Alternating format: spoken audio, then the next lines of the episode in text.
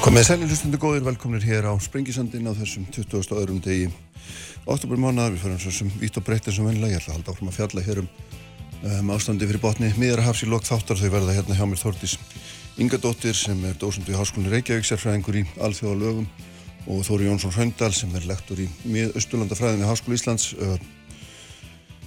Fjöllum þá með fjöllum á um þessa stöðu um, um myndastrísleipi og, og hérna, afleggingar þeirra, möguleika alþjóðarsamfélagsins til að takast á við það og reynum aðeins að, að hérna, velta fyrir okkur stöðunni. Sjúri Hannesson verður hérna líka frangandisur í samtaka innarins enn og aftur að fjalla um húsnæðismálinn, málinn sem eiga að vera á oddunum í kjærasamningum en það vilist hérna, ekki drýma saman í á þeim markaði sem er auðvitað botfrósin í augnablikkinu eða svona nánast uh, fólki fjölgar mjög grimt um þúsunda mánu eða svo og hérna eftirspurðin eftir húsnaði ekst og ekst og vendarlega hérna með leiðavextir lækka má búast við verðhækkunum eða mistu ástir það sem að svona mannum sínist helst og ég ætla að fara yfir þetta allt saman með, með Sigurði hér á eftir. Nú þær verða hérna Rakel Adolfsdóttir og Finnborg Salami Steinfossdóttir Rakel er hér Kvennasögursafn Íslands og Finnborg lektor í Kynjafræðu Háskóli Íslands. Það er auðvitað Kvennaverkvalli eða Kvennafrídagurinn eins og sem vilja kalla sem er á þriðdægin það er 48 ár síðan að sá fyrsti var haldin og hún vakti auðvitað heimsatikli og þetta er í sjönda sinn aðeins að forvittnast um, um, hérna, um þann dag og hvað ekki fyrir framkvæmta stjórnini sem þær sýti báðarinn í en ég ætla að byrja hér á klassísku máli sem er íslensku landbúnaður. Vigdís Hessler verður hérna hjá mér eftir sem er framkvæmta stjóri bændasamtakana það er dimt hljóðið í þeim samtökum og það má svo sem kann einhver að segja það hefur heist, heist líka rattir áður en hérna aðeins að taka hús á henni og heyra hver, hvers vegna þau telja stöðun að vera uh, sérstaklega slæma hjá þessari starfstjétt í augnablikinu. Uppspretta frétta á Sprengisandi á Bilginni. Sælilustundur rólum hér á stað á Sprengisandinum. Eins og leðilikur Þórti Singadóttir, uh, sérfræðingur í alþjóðalögum, um, Þórir Jónsson Fröndal, uh, lektor í mið Östurlandafræðum við Háskóli Íslands. Við verða hér í lok þáttarfjöllum. Þá auðvitað um ástandið fyrir botni miðrahásins í þessari, þessari fræðilegu átökum þeirra Ísraelsmanna og palestínumannaði árásum sem núna standa yfir á Gaza ströndinni uh, Sjóru Hannesson, frangastur yðnaðarins verður hér að fjalla um húsnæðismál og þær verða hérna Rakel Adolfsdóttir og Finnborg Salome Steinhorsdóttir að fjalla um um, um kannaverkvallið sem að verður á þriðdægin 24. oktober auðvitað en sestur hjá mér Vigdís Hestler sem er frangastur í bændasamtak Íslands, hægla blessuð Já, sælverdi. Velkomin. Takk fyrir. Mér langaði að hérna, fjalla við um stöðu bænda, þetta gerði mann hér oft fyrir 20 árum og þá var hérna, þá voru gefnur út skýslu þar sem að tala var um að bændur væru fátekast að stjætt á Íslandi, mm. sérstaklega sögfjörðbændur. Mm. Um, er það þannig?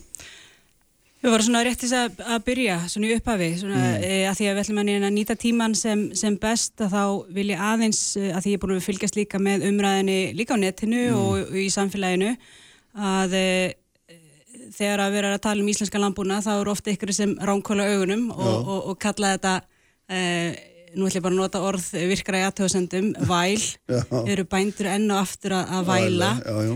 Eh, eru, þetta, eru þeir ekki bara búin að offjárfesta uh, og, og, hérna, og fara glann í beginum en ég ætla bara að nefna það að uh, það var nú einn hérna, mistari á, á síðasta matvælaþingi fyrir árið síðan sem mm. stóði í pontu og kallaði bændur þurvalinga Já. Þetta er náttúrulega bara e, reyn og klár mógun en bara svona til þess að tala út frá staðrendum að þá eru 17 e, miljardar sem fara í búfuru samninga. Mm. E, það eru um 1% af úgjöldum e, ríkisjós og búfuru samningar, bara svona til þess að útskýra bara á, á leikmannamáli að þetta er kjara jöfnun, þetta er niðugreisla á matvælaverði við gætum líka alveg e, sætt okkur við eitthvað konar annar fyrirkomulega þegar e, ég og þú förum út í búð og kaupir lítra mjólk mm. þá get ég alveg fengið þá 40 krónunar tilbaka bara frá, frá e, viðkomandi sem starfur á kassanum sko. Ja. það er bara hvernig kerfi vilju við e, þetta er einhverju kerfið sem við erum að steyðast við og, og hérna síðan vil ég líka bara nefna það sem við getum tekið þetta áfram eftir Já. en síðan vil ég nefna það að það er e, ekki hægt að bera saman lampuna við sjávarútveg bara fyrir að fyrsta þá er mm. sjávarútvegurinn ekki að, að hérna, e, e, gefa fiskunum að borða bændir sjá bara um það þannig að við skulum fara varlega í öllum slíku samanburði og það eru 430.000 mann sem borða hér á landa hverjum degi Þetta eru 11.000 störf í heldina, þar að veru 3.000 beinstörf, mm -hmm. bara bændur sem sinna frum framleyslunni. Þannig að og, og bara svona til að setja þetta líka bara, fólk átti sig á myndinni, þetta eru 500 mjölkuböndur sem standa að uh, allir, allir mjölkuframleyslu á Íslandi.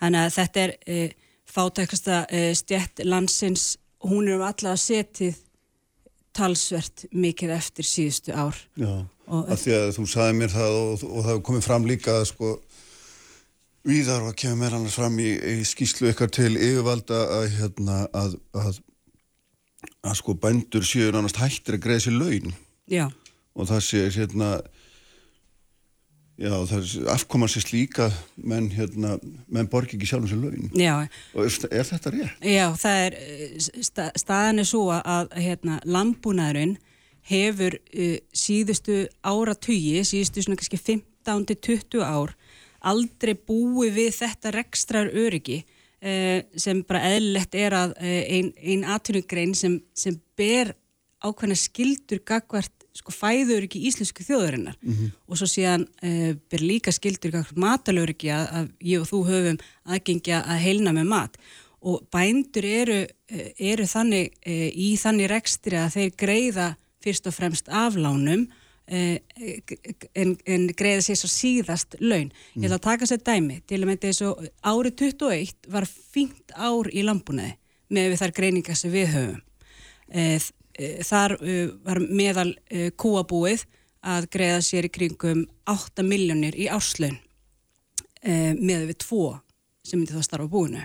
Fjóra miljónur á mann fyrir skatt Já, í dag er þetta tvær og svo síðan er þetta að hérna, Hvað hva, hva veldur þessu? það, þetta Hvað eru bara, það sem, það sem er að valda er bara að staðan hefur versnað gríðarlega hratt og það eru þarna inni aðfangahækkanir út af uh, COVID og, og hérna Úkrænustriðinu sem hafa ekki gengið tilbaka og til að mynda eins og uh, uh, á síðasta ári þá fengu bændur þannig að sprettgreislu mm 2,5 miljard króna pluss og síðan 700 í, í nýgræsla á, á hérna á- áburði.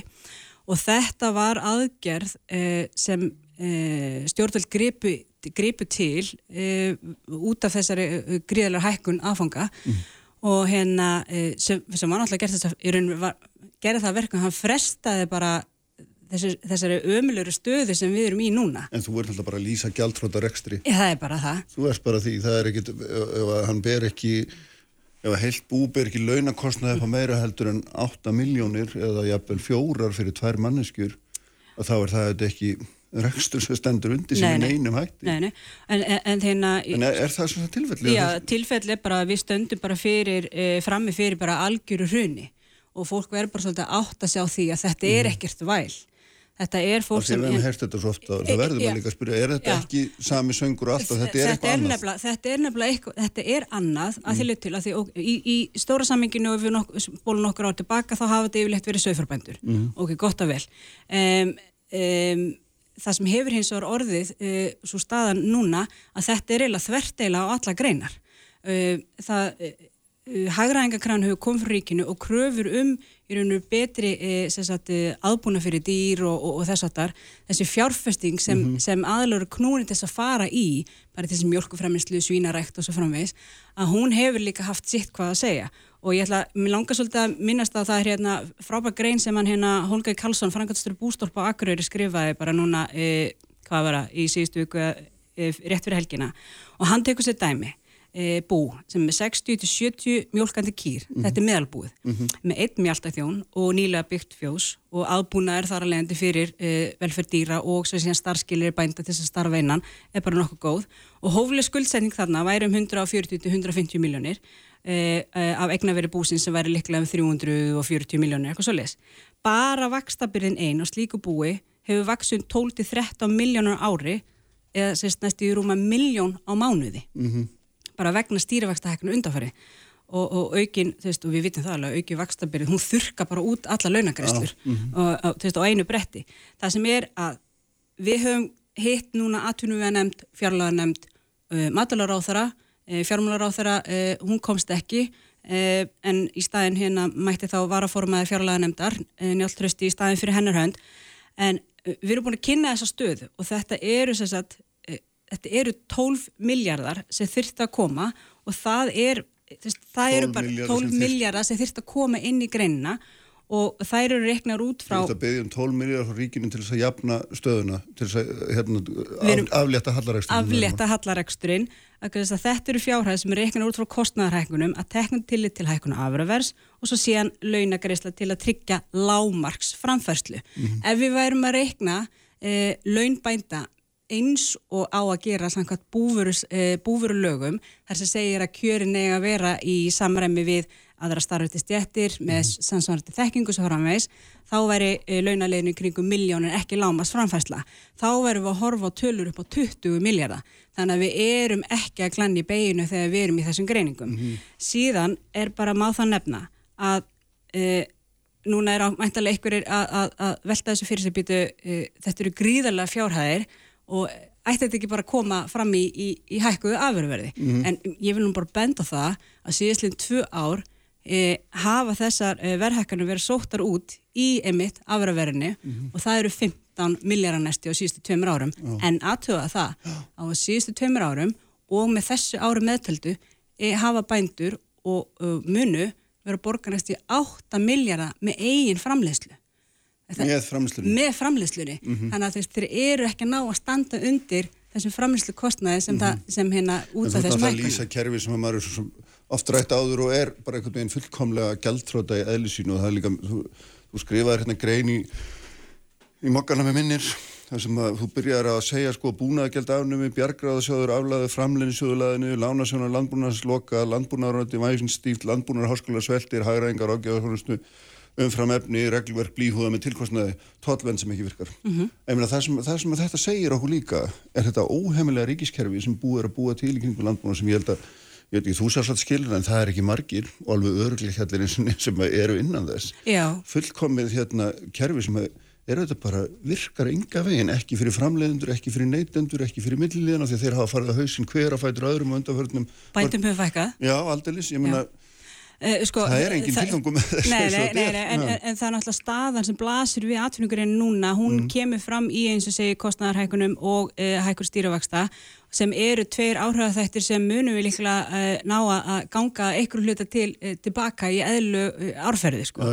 Og hérna og það er bara vonandi. Það er hins vegar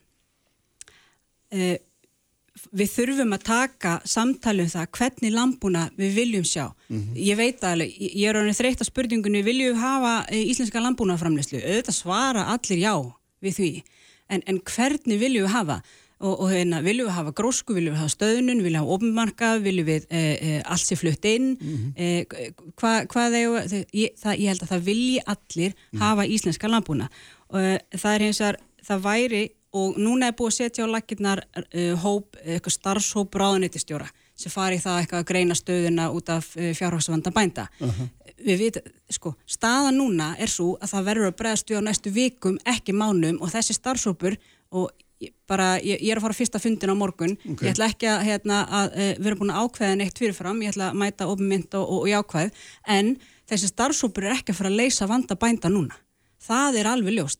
Við erum að sjá, við þurfum að setja fjárminni inn í greinina og svo síðan, þá er ég að tala um gegnum búfræðsamninga til þess að við já. þurfum ekki að velta þessu út í verðlæð og, hérna, uh, og, auka, og á verðbólguna. Já, niðurgreisla á Já, já, Já, já, ok. eins, og, eins og ég sagði upphafi, hvort að þú fær 40-60 krónur á kassanum tilbaka eða ekki, Mhm. en, en, hérna, en síðan þarf að fara í langtíma aðgerðir og það er að fellinu stimpilgjöld, kaupum á hérna e, landbúnaðjörð. Mhm. e, það þarf að fara, e, kannski skoða eins og ykkur, vil það hefur Lógi Einarsson sem hefði nefnt það á hérna fundi fjáralænendar, hvað með vakstabætur. Mm. -hmm. síðan er það hérna niðurfelling erfjárskatt bara ef þú kaupir breyt til að líka fyrir ætlaðskiptum og, og, og sliku, ef þú, þú ákveður að sinna og stunda lambúna í fimm ár eftir að þú hefur keift jöruna e, eða tekið henni við á fóröldriðinu hluteldalán, ráðstöðun sérregnarspartna þetta er allt langtíma aðgerið sem þarf að fara í og ég held að það væri algjörlega til sóma núna eins og staðan er að e, fara í einhvers konar gera kvítbók eins og gertar fyrir, eh, fyrir lagareldið á sínu tíma. Eh, ég er nú ekki kannski að tala um eitthvað hérna rándýra skýslu, við erum með þessar greiningar við vitum hver staðan er. Eh, það er hægt að hérna, fara í, í, af stað og, og gera kvítbók fyrir En það er landbúnan að skrifa þessa kvítbók er það ekki í raun að vera einhverju formi margsinni sem síðustu áratugum já, já, já, en- en- fram og tilbaka sko.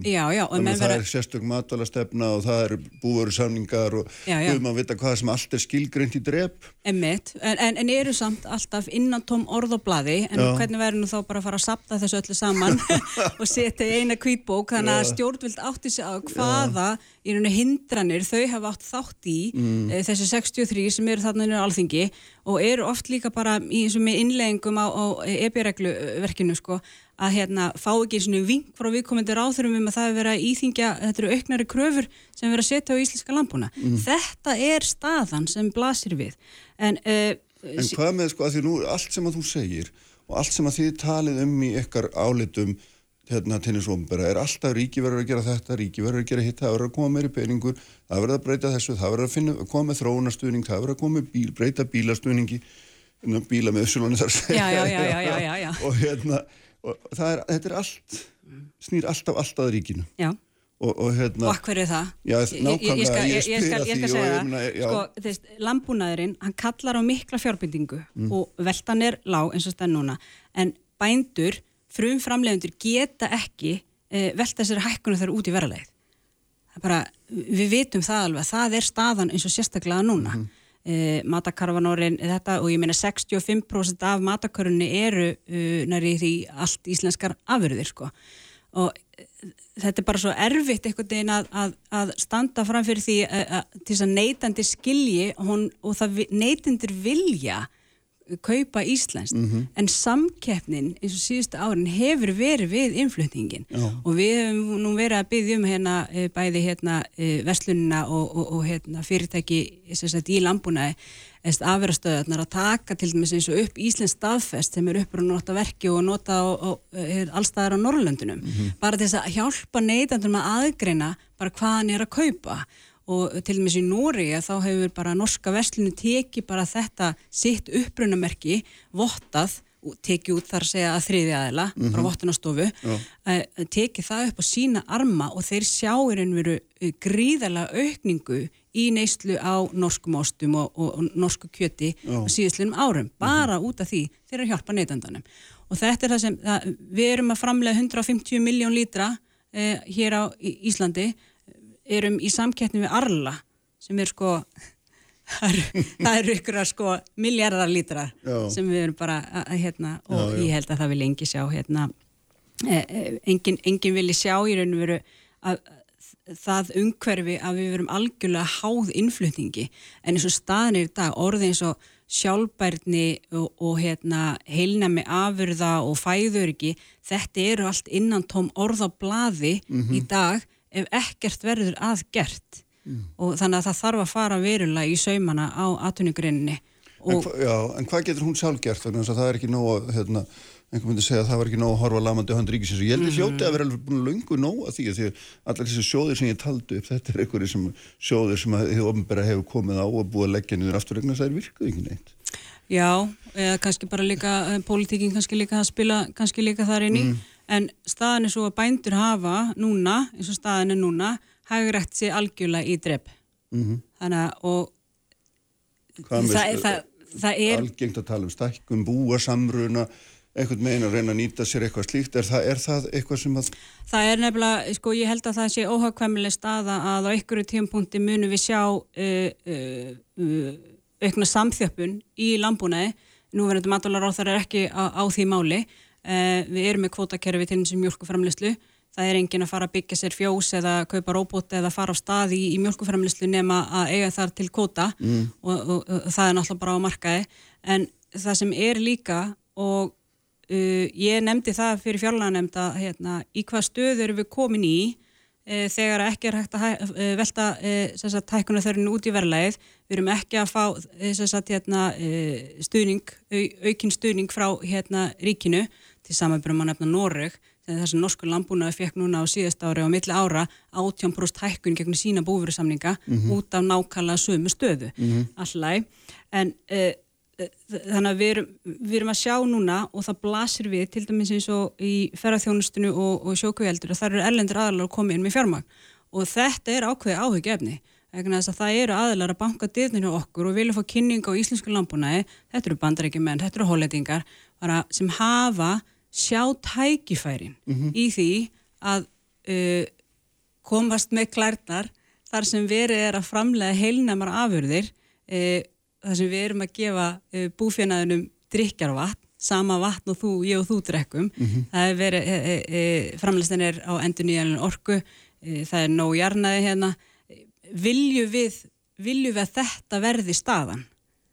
En ykkur þetta vegna þá þurfum við bara að fara núna og skoða bara kerfi heilstætt. Er, er þessast ellindri aðlar sem koma og er að skoða íslenskan landbúnaða með það fyrir augum, kaupa sér inn í framleysluna til þess vantalega þá að flytja afriðnar úr landi? Þetta er tímaspursmál. Þetta er tím- tímaspursmál. Og ég held að þetta, e, og þetta er eitthvað sem við þurfum svo sannarlega að vera vakandi fyrir. Ætlu Mhm. við að standa og eiga þessa framleyslu sjálf eða, eða Í hversu ríku mæli eru er þessar heimsóknir, hversu alvarlegt er þetta? Er þetta eru með einhver einn reglulegu, maður sem ég skal, ég skal segja, nei, nei, ég skal segja að þær eru með reglulegu millibili. Já, Og ég meina, við höldum bara kynningu fyrir hvern þann sem, sem hefur áhuga á að kynnast íslensku landbúnaði. Um, bara, það er bara samskipti sem er bara gegnum ímis bara hvort sem er í gegnum ráðuneyti eða, eða þess að það er, en, en þetta er þetta er daldi staðan. og það er semst menn hafa áhuga því að því að áhuga þessum hreinleika sem við getum þá með stóðst einhver leiti státa okkur af. heilnami afurða sem við erum að státa okkur af, mm. það er það sem mun uh, skipta uh, miklu gríðalögu máli og skapa gríðalögu verðmæti að geta flutt já, í mínum viltustu draumum. Ef við erum að fara að flytja út í Íslenskt vatn og, rávorku í formi uh, agurka og, og tómata. Mm. eftir ykkur ár, ég minna það er spurning. En Það þetta er líka spurning hver hyrðir afrakstur hver hýrðir afræksturinn, já ég veit það. En, ég, hérna, en þetta, er, þetta er svo grav alvarlega staða sem við stöndum frammi fyrir að við gætum allt í einu og ykkur tímpoti verið að missa niður okkar eigin framleyslu sem við höfum alltaf verið hluti af uh, sjálfstæði íslensku þjóðarinnar mm. og, en staðan er eins og enn og aftur að við þurfum að fara núna að, að greina stöðuna og það þarf að leysa vandan næstu vikum en ekki á næsta ári Já, og það, hérna, ég heyrði að þú svona kurtislega hafði nú ekki mikla trú á þessari hópir ánýttstjórar sem átt að, hérna, átt að, að gera það, en ég minna, hvað, og, og, og það er svona, veist, fjármagn sem vandar uh, 12 til 20-25 miljardar ef að það er reiknaðar inn uh, eðlega launagreislur og þetta er eitthvað krafa eða eitthvað ósköllu heldur til þeirra sem þið hafi verið að ræða við um það að þessu verði, þetta verði sett inn. Já, komi inn í, í, inn í hérna, sem, Inn í sem, sprett, já, sem sprett greiðslur uh, líkt og í- í Réttgreislur fyrra- eru þá bara eitthvað hraðgreislur Já, já, það er bara, að það, það kemur inn bara sem uh, ákveði fjármagn og, og dreifist inn ákveðna liði í, í búverusamlingu til að mynda.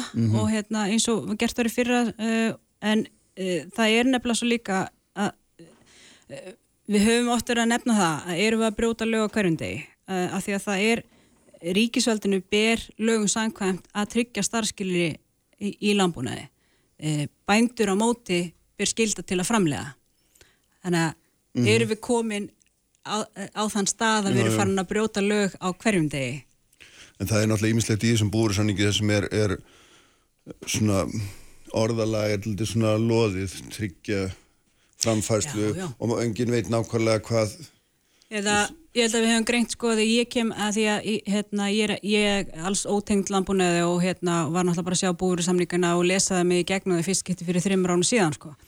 og, hérna, og uh, þetta er mjög uh, tyrfið orðalag uh, mjög, mjög skrítnir og, og þungir uh, s- erfitt kerfi að feta sér í gegnum en uh, þetta er svona það þarf að endur sko þessa samninga algjörlega og en það er náttúrulega bara ef við tökum og horfum á Noreg og, og lítum á það sem dæmi að þá eru þeir að semja á hverju ári normennir uh, við erum ekki að gera það. Við erum með búurisamninga til nokkur ára Já, tíu ára senn, tíu ára. Já, já, þannig að næsta endurskoðun er veru 2027 2026 En einhver, einhver, er það 2026 já, Já, fyrir 2027 og hérna einhverjar viðræður eru það ekki á þessu árið eða næsta Já, að, það er endur skoðun en það hefur komið fram bara nú þegar að, að, hérna, að uh, það verður bara heimilt að færa hérna á milli liða sko. mm, en því sjáum það að sjá í fjármálavallin til 5 ára og það er hérna Það er ekkert uh, auki fyrir í búveru samninga þar, það er uh, kortrækt og, og hérna uh, riða, mm. uh, riðuransóknir en það snýr ekki að þessari, þessum vanda sem, sem við erum að standa fram fyrir núna sko. En það stendur náttúrulega í samningnum sko að framlegslega verði arbar og samkjöfnisæf og tryggi byggðarfestu og uppbyggingu þekkingar í samfélagi sem að taki bara eitthvað svona mm -hmm. frasa, einhverja frasasetninguna sem mm -hmm. að hérna, mm -hmm. þarna er að finna og Já. þetta hljómar eins og segir allt saman bara ljómandi vel sko, fæður ekki tryggt að elli nýliðin og kynsluðaskipti tryggð mhm. og hérna landbúnaði stittur og, eldur og, og hérna. Og svo framvegis, og svo framvegis 46 ómælaleg markmið að með minnir hafi verið. Já. að því að það er alltaf nota svona uh, huguleg orð svona eins og einmitt eldur og styrtur mm -hmm. og svo framvegis. Að verður kannski líka ágætt að taka stjórnansamfélan og, og aðtöku hversu mörg mælaleg markmið raunverulegur þar. Mm -hmm. en, en þetta er uh, það þarf uh, gaggjert að fara í heildarendur skoðun á búriðsáningum Ef þú leggur nú saman öll þessi lof og emdirnar yfir lengri tíma mm. þá sérð maður náttúrulega bara það ég held að þú getur alveg saman með það þú sérð að politíkinn hefur bara engan áhuga í Íslandsku landbúinu en þá hún segir það. Engan, það, við, er það, það er áþræðanlegt það mm. er áþræðanlegt, það er vísað til okkur á tildugum þegar það hendar En, hérna, en það er áþreifanlegt hvað e, pólitíkinn hefur engan áhuga á íslensku landbúnaði og svo fyrir þess að allir segja á akkur er engi tenging á milli sagt, íslenska neytenda og, og, og frumfræðanlegenda í landbúnaði. Mm. Þú veist, svo gjá er bara að stækka. E, við vorum á bændafundaferðin núna í águst síðastliðinu, við fórum á 13 staði hringin kring landa og hittum e, stóra hóp bænda. Það mættu, það mættu tveir þingmenn, mm -hmm. allar hringin og þá er ég ekki að telja þá hérna þessa, þessa, þessa eldri sem eru hættir Nei, nei. Þannig að Tveir starfandi Já, tveir starfandi já, þingmenn já. og hérna uh, við vorum með dag lambúnaðar eins núna mm. og þau uh, síðastleginn förstu dag og akkur eru þau mætti þrjú já. Þannig að uh, það er rosalega erfitt að standa fram fyrir því og, og, og þykja það að við ætlum að gera eitthvað við stöndum í íslensku lambúnaði mm. en það, það kemur samt ekki fram í frankandinni eða viðverunni eða samtalenu mm. þannig að þetta er bara þetta er svo, svo óbóðslega daburleg staða en þetta er undirstöðu atvinningurinn á Íslandi. Þetta er 8-10 nei fyrir ekki 90 miljardar framleyslu verðmætt á þessu ári. Mm. þetta eru þetta er engi búskusar þetta er, þetta er ekkert fólk sem er að gauðast og, og það, það sem að greinin sjálf getur gert landbúin þetta er alltaf ólíka greinar innan landbúin það er mjög mísjum staða en, en hérna og ólík starfsvið en, en þið, þið teljað ykkar svona möguleika til samruna hægraðingar þetta sé allt þurrausið? Þurrausið, já. Það er allir búin að hægraða sig algjörlega drepp og svo verður maður líka að hafa í huga að þetta eru störf, þetta eru raunvölu störf sem skapa þá þessi verðmæti. Mm -hmm. og getur ímyndaðir hvað, hvað áhrif þetta hefði á, á byggastefni mm.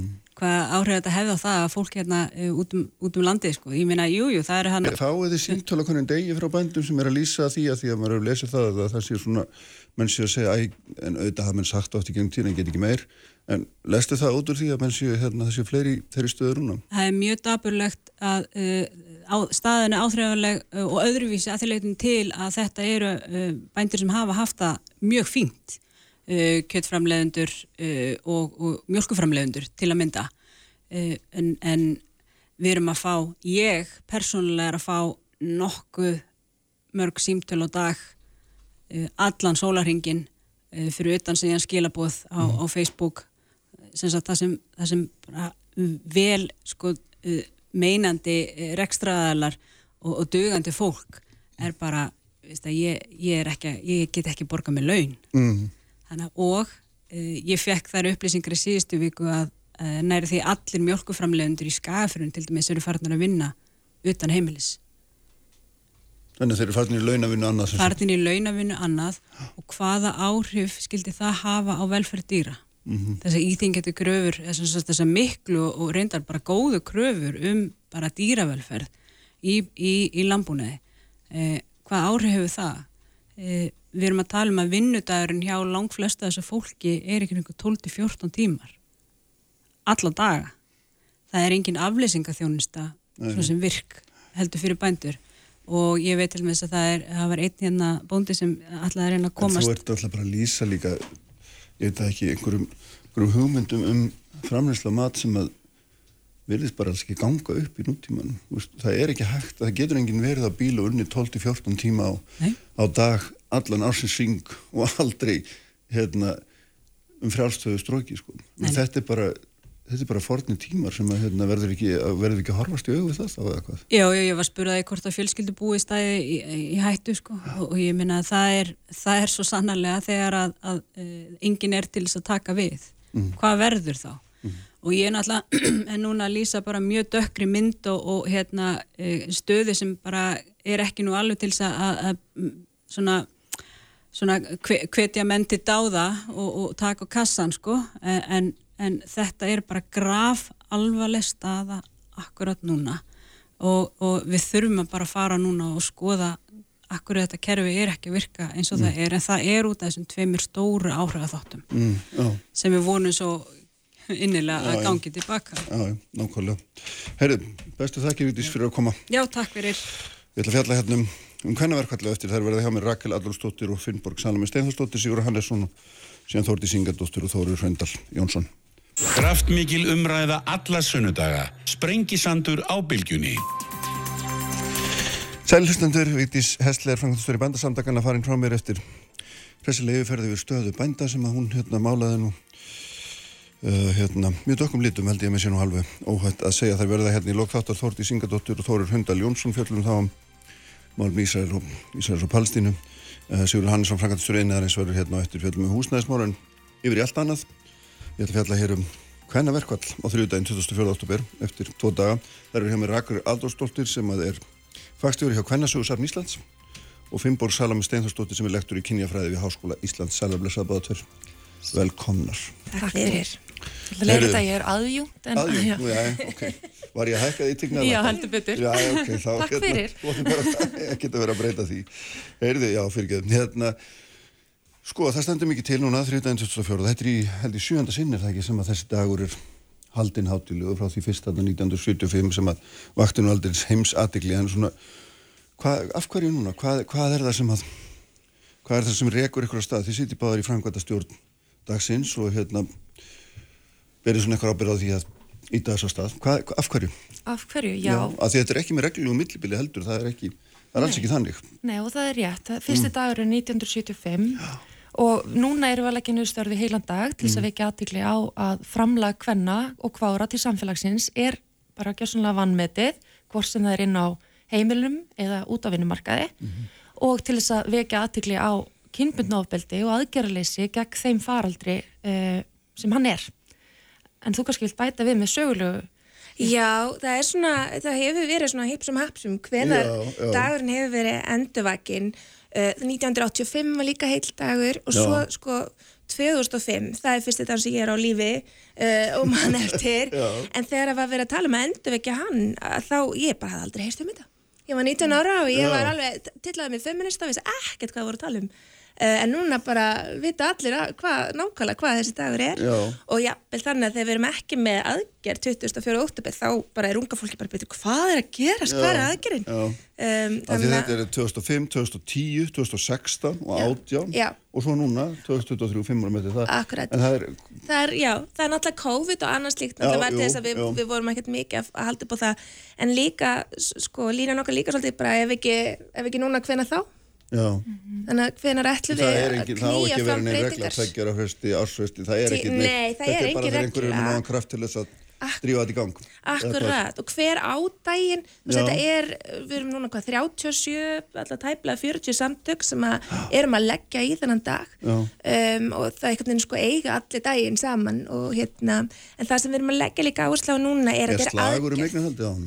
Nei, það held ég ekki alls ekki sko það er einmitt bara svona samstæða um, en það, það, það er sem þarf tölvist áttak og orku til að koma já, þessu já. í framkvæmt og það er nú bara ekki hlaupað því á hverju ári sko. Nei, nákvæmlega Nei, og ég held einmitt að COVID sé líka svo stór ástæða og það byrtist náttúrulega hverju voru í framlínu mm. í samfélaginu, það voru konur og höfðbundir svona eða svokallu kvennastörf mm. og þetta eru störf sem eru bara gríðalega vannmetinn í launum og aðbúnaður mm. þessara stjættur ofta ekki góð og það svona kristallaðist þarna og eftir COVID þá hefur við bara, finnum við bara þannig sko samtaka mátt meðal hvenna samtaka, hins einn samtaka samtaka launafólks og við fundum það bara fyrir vetur að það væri verið að kalla eftir þessu núna og núna væri mhm. tíminn til að draga þessa þætti fram mm -hmm. og, og nú væri bara komið nóg við þurfum heilan dag, nú göngum við ekki bara út og þetta snýstum svo miklu meira heldur en bara launamunin þetta er vannmatið mm -hmm. uh, vinnan inn á heimilunum, ósynlega vinnan já. og svo náttúrulega kynbundna ofbeldi. Og hérna eitthvað sem heitir þriðja vakti núna er ekki líka? Já. Og hérna og hérna, ég var oft sinni staði, vil ég segja.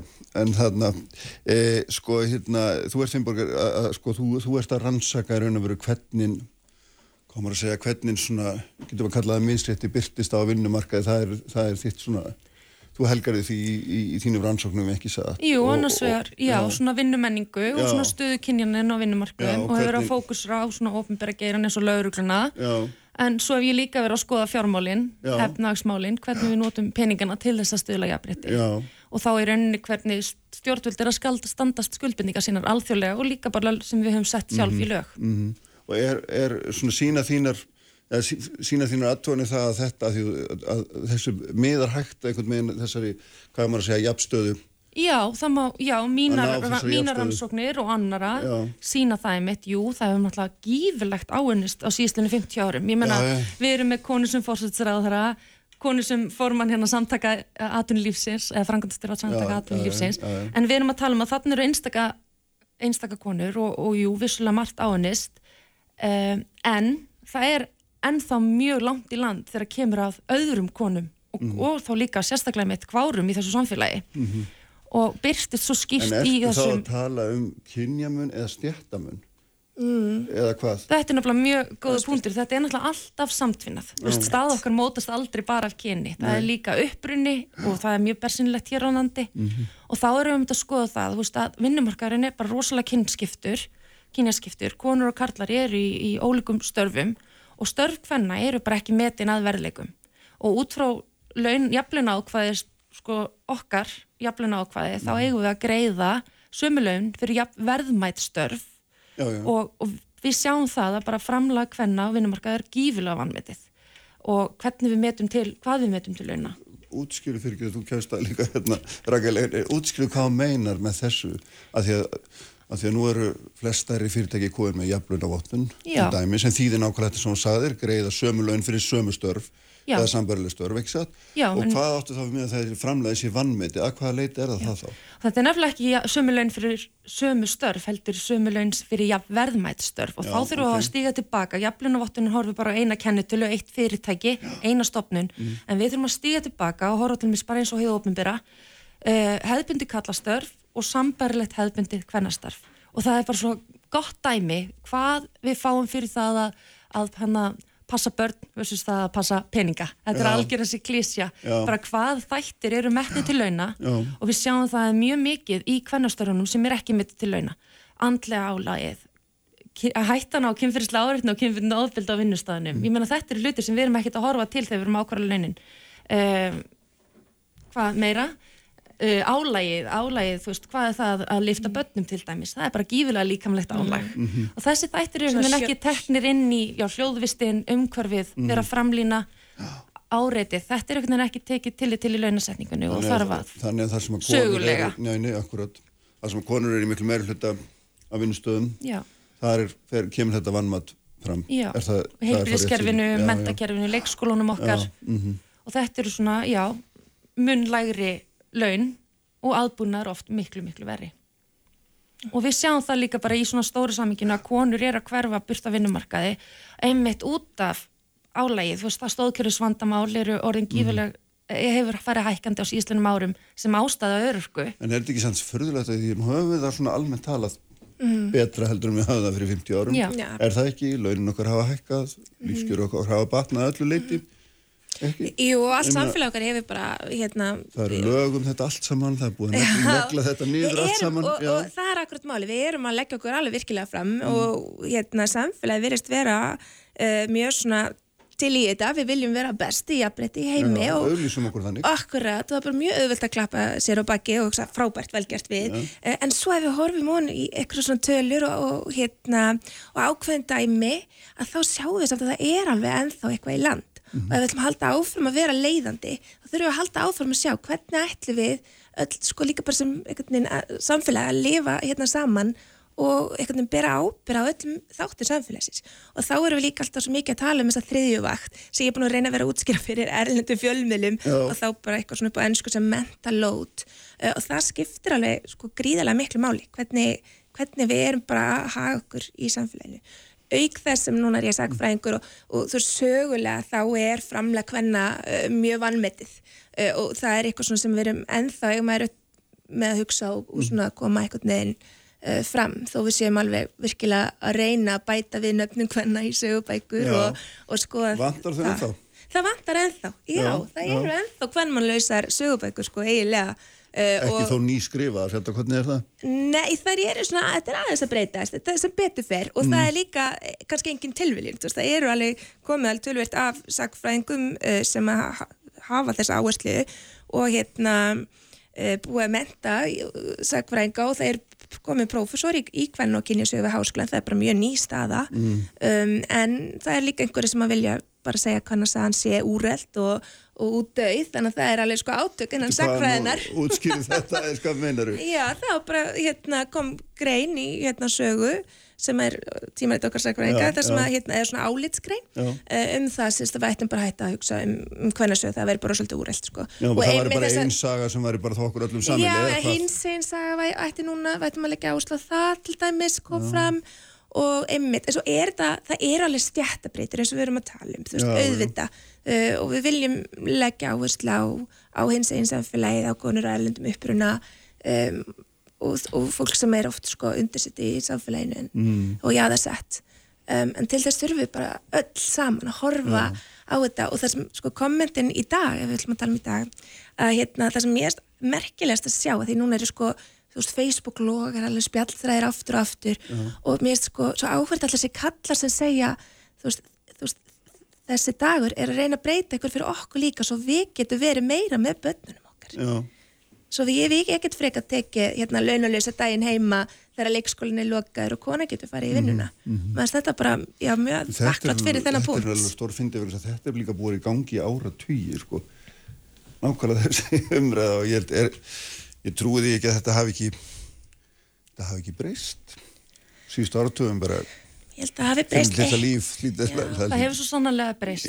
Jú, ég minna með tilkomu laga eins og til mjög jafnar rétt fóldra til fæðingarlofs og, og það er orðið ár. Það er bara gífilega mikilvægt en þarna sjáum við hvernig en, en þetta, þetta kemur bara ekki að sjálfur sér. Þetta kemur einmitt út af kvennabaróttu mm. og út af baróttu hinsins samfélagsins. Og við höfum tekið, nú, tekið núna höndum saman og erum að nýta þennan dag sem er eins og þú segir Rakel, er okkar dagur. Og þetta er sögulega mhm. mjög sko árangusríkur dagur mm -hmm. þetta er sjöndaskiptið við höfum þetta hefur skilað árangri og það er gífurleg samstæða sem myndast alltaf í kringum þennast dag og er mjög mikil núna, mikil stuðningur frá atvinnurreikundum konur og kárir að leggja vinnu mikil stuðningur vonandinn á heimilum mm -hmm. uh, sem við kannski sjáum ekki í fjölmilum en nefnitt að, að að draga fram hvar misrætti liggur í dag mm -hmm. og hvernig vekja því, taka umræðina og vonandi Já. Breyta en, samfélaginu okkar. En, en ég ætla aðeins aftur að því mér finnst það svo áhugavert að ég, mér grunar ekkert, menn ég, nú hef ég ekki áralanga rannsóknir að baki um þetta en mér grunar að það sé, við séum fyrst og fremst að tala um konur að elendum uppruna, við erum að tala um ófælari störf sem að þær sinna langstæstum hlutorði hérna, restingar og þess þar inn á ofnbjörnum stofnunum mjög mikið, þess sem eru að borga lægstulaunin og, og þarna er þessi virðismunur hvað skýrastu myndi ég að halda Já, er það ekki? Hvað skýrastur, Já. en svo eru líka með bara háskólamentu störf eins og hjókunarfræðingar mm -hmm. uh, sjúkraleðurindar er það framhaldsskólamentun við sjáum þetta líka þegar við skoðum það. Það var alltaf sagt um konur, mentið ykkur og þá bara myndi að breytast. Og konur hafa núna verið sko í hátt í 40 ár meirliti nefnda í háskólanum. En við sjáum það ekki á, í atvinnlífinu, í stjórnum fyrirtækja hverja stýra peningunum. Við sjáum það líka í rannsóknum hjá Hagstofunni, tölum gögnum, að konur eru líklar til að vera störfum sem eru sko innan gæsaleppa ofmentar, ég þól ekki þetta orð, þannig að þú sért í skulir starfi sem krefst læri mentunar heldur en þú hefur. Já. Og það sko markfaldast þegar við skoðum stöðu erlendar hverna. Mm. Þannig að það er í rauninni, við getum litið á það sem svona þætti sem bara íkja upp misréttið. Þannig ég er ennþá því að sko kyn og stað sko, og þá er mitt að við hugsun líka það um hvár að veist, kyn skiptir gífilegu máli og það er mm. ennþá ójæmt skiptar og byrtist bersinlega í þessum hérna muni á atvinnutekjum en það er 21% munur á bara milli kalla og hvenna og ég, það endur speikla samfélagi sem við búum í, ekki bara 21% launamunur? At, að munur á atvinnutekjum. Heildar, heildar atvinnutekjum. Og það endur speklar þá átt eftir að leiða þetta fyrir yfirvinnu og hvað það heit já, já, þá skýrum við ekki burt launamennin en það endur speklar líka það að þriðjungur hvenna á vinnum íslensku vinnumarka er í hlutastarfi. Og já. ástæðan er til að sinna heimilslífinu og það er 12% kallar eru á hlutastörum en mm. sjálfnast af þessum ástæðum. Já. Og við eigum rannsóknum það síðan 2012 sem sína það að það var bara 0% kallar segjuð að það var ástæðan á meðan mikil meir hluti hvenna þannig að það er, jú, það er margt á, með við margt á henni eins og það er nú sko, nú ætlum ég ekki að hljóma eins og þessu 150 ára en, en eins og það er nú mýl og þetta að sinna sjálfum sér, fjölskyldi sinni og heimlislífinu að því að maður má heldur ekki tala um þetta þannig er það að, að svona að það sé eitthvað með einn svona fólk gerir þetta úr neyða því að það fær ekki eitthvað annað að gera. Er það? Hvað áttu við fyrir ekki? það sé ég að reyna að segja og hérna, passa á að koma mér ekki í algjör vandræð í leðinni er það að stundum þegar við erum að tala um þetta svona, það get ekki verið í fullu starfu þurfa að sinna heimili sé eitthvað með einn svona hérna, lítilækandi Nei, það er alls það, ekki. Það er það sem ég er að reyna og það með ekki tala um þannig að það sé eitthvað verri kostur skiljið með því að þetta er stærsti hlutin og besta okkar líf en það væri náttúrulega gott þá að kallar myndi kannski gera það tíaps ég er ekki anfæla því nei, nei, nei. og svo líka það er, einmitt, það er bæði þetta að, að sko konur kannski er í 80% vinnu sem mm. að hérna, til þess að sinna heimilinu. En það væri, ég menna, væri frábært ef báði fóreldra væri í 90% vinnu og gæti þá, já, eða, og við værum í almennt bara með miklu meiri sveigalegi í samfélaginu mm -hmm. til að vera í að mynda læri hlutvöldum en, en styrting vinnuvikuna er náttúrulega risastort málefni sem skiptir gríðarlega máli í, í þessu ljósi. Og mér finnst líka að sko, það allt sína við getum breytt samfélaginu. Mm. við getum breytt samfélagsgerðinu og hvernig við bara einhvern veginn lifum okkar lífi frá til dags. Um, þannig að ég sko ég er alveg útrúlega spennt fyrir þriði deginum. Ég er alveg ótrúlega spennt og það meira að segja sko spáin er alltaf batna með spáin en líka sko því núna hef ég stútir að hérna, myndskeiðin og, og, og ljósmyndi frá þessum dögum Já. og sko hvert skiptis ég sé eitthvað nefn hérna massan mæta niður á Arnurhól hérna og það sem það hefur verið undfæri að þá ég bara, þú veist, gæsa mm -hmm. þannig ég bara, ég hlakka til að sjá að því þetta er sko, ég fæ oft ég tala mjög mikið við erlendafjölminni um þetta. Og, og, og helspurningi er bara hvernig? Hvernig náðu þessari samstuði mm -hmm. það er ekkert sko algengt held ég. Uh, þvert á stjættir, þvert á stjórnmálaskoðinir, mm -hmm. þvert á alls konar breytur. Um, og, og það er sko eitthvað sem við viljum líka haldi í og halda lofti að, að öll þessi félagsamtök og allt þetta fólk, við getum fljættað okkur bara áttur saman mm -hmm. og sínt fram á þetta mikilvæg þennan dag. Já og þessi, það er, engin, er engar ígjör þessi dag og 75 sérstaklega náttúrulega hefur vakið heimsatikli og gerir hún að veru enn þann dag í dag er það ekki? Jú, hefur vakið heimsatikli og það er alveg verið að sko, og líka því við höfum verið að halda honum á lofti, mm -hmm. líka því við höfum hérna, verið að halda þessa daga aftur og þá fáum við gríðilega aðtikli og eins og 2016, þú veist, Trump er, er nýjónum fórsiti, það er hérna ganga í Washington og í Bandaríkjunum eru konur að ganga um, og, og sko ég hef dæmi frá Brasilíu, frá Pólandi, frá mm. þar sem að þið verið að reyna að, að sína fram á sveipa baratu aðgerð um, og hérna þannig að já, mér finnst þetta alveg sko greiðilega spennandi og það er oft einmitt litið til Ísland uh, í, í þessum máli þannig að við viljum halda áfram mm. að vera besti í að breyti ef það er eitthvað til þannig og þá verðum við líka að, að halda áfram barátunni mm. Hefur einhverja hugmyndum það að þið hvað, svona hafa verið margar konur þegar flest hefur verið. Á á baratufundinu Já, til dæmis hérna í Reykjavík það er sko, kannski að því það er svona þekktasta myndin er auðvitað að læka torginu sínum tíma sko. Akkurat, bara stærstu hérna, stærstu mótmæli Íslands. Um, það er, sko það var ekki talið almennilega. Uh, það var ekki að giska, ég er búin að heyra alls konar tölu 25.000, 30.000 og ég minna við miður hvað voru margir í Reykjavík á þessum tíma. En líka sko konur í vestmanni konur á, þú veist, víða um land eh, hérna voru með barataðgerir og lögðu niður störf og alveg ótrúlega mikið skemmtilegum og fyndnum sögum af konur sem bara kerðu hérna, einn sem bara kerði bönnin hérna 75 eh, síðast í vinnu mannsins og sagði bara gangið velaskan og hljópi burt og hann bara eftir brjálu hann bara var það að sjá um bönnin En þetta er einmitt stemningi sem við erum að upplifa líka já, núna, það já. er verið að skipleika baratufundi á tíu stöðum já. um allt land. Og, bara, og það eru viðbyrðir allan daginn 24. oktober Akkurat. Frá bara klukka nýju til á kvöld. Heyrðum, þarna, við skulum bara segja aðmennu eftir öflunum, gangi ykkur vel með þetta. Takk fyrir. Og þannig að prófið nú að telja einu sinni, það Já, gaman að ég vita. að rosa Þetta er ekki bara en þetta klassiska lauruglan telur. Þetta eru tíu, tíu þúsund ég myndirna það. tala fyrir sínu. Aldeilis. Heyrðu, takk fyrir þetta.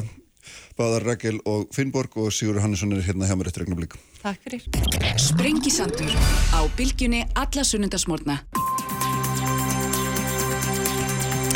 Áttur hlustundur, uh, það er farnar frá, frá mér hér Rakel Adolfsdóttir og Finnborg Salome Steinsson eftir fjöraður umræðurum um, hvenna, um verkvall hvenna núna 24. oktober hérna á sestur hjá mig Sigur Hannesson frangvöndistöri samtaka einnaðarins fá ekki alla konur á samtökunum frí á, á þrjúdægin Bara eins og aðra konur í landinu. já, geta bara hérna og ekki laun og laust vantarlega Nei, nei, konurnar hjá samtökum innar eins og eru sannlega að skila sínu þannig að ég hef ekki áhyggjur af því. Nei, þannig þær fara bara taka sér frí eða fara í verkvall eða hvað að kalla það. Heyrðum, við ætlum að ræða húsnæðismarkaðin þau voru hérna hjá mig fyrir viku Sigur Ringi og Þorgerur Katrín og þá spanstum þetta umræða eins hérna í fleiri svona pólitískum hérna, pólitískum umræði sem ég haft undanföldnu og, og þetta líka í kringum verkalýsreifinguna hérna, kjara samningana, það er allir að tala um þetta. Þetta er það sem skiptir öllu máli. Og til að gera langarsögu stutta þá, þá er staðan svo að, að Sælabankin er eiginlega búin að frista bæði byggingamarkaðin og sölumarkaðin mm.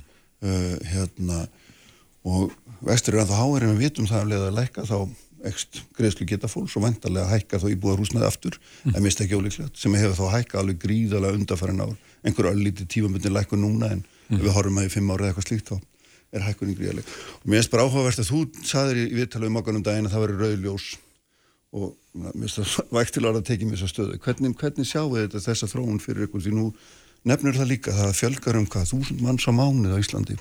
Já, það er staðan. Já, Og það þetta hefur áhrif á eftirspurnina, þannig að Mm, eftirspurnin er bara svona náttúrulega að aukast. já, Uh, henni er henni haldið niðri með handabli eins og þú bendir á af Sælabankanum sem gerir það villir í nöðsinn með því að, að sko hækka stýrivextina. Já, já. síðan eru líka skorður varandi greiðslumatið og annað. Þannig að, að sko en á sama tíma á eftirspötunni haldið niðri með handabli að þá er sko frambóðsliðin ekki sterk.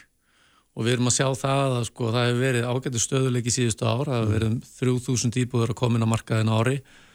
Eh, það var stemt að því að það, það eru 4000 þannig að það er undir, undir því sem að stendur að en nú er að hæja heldur á.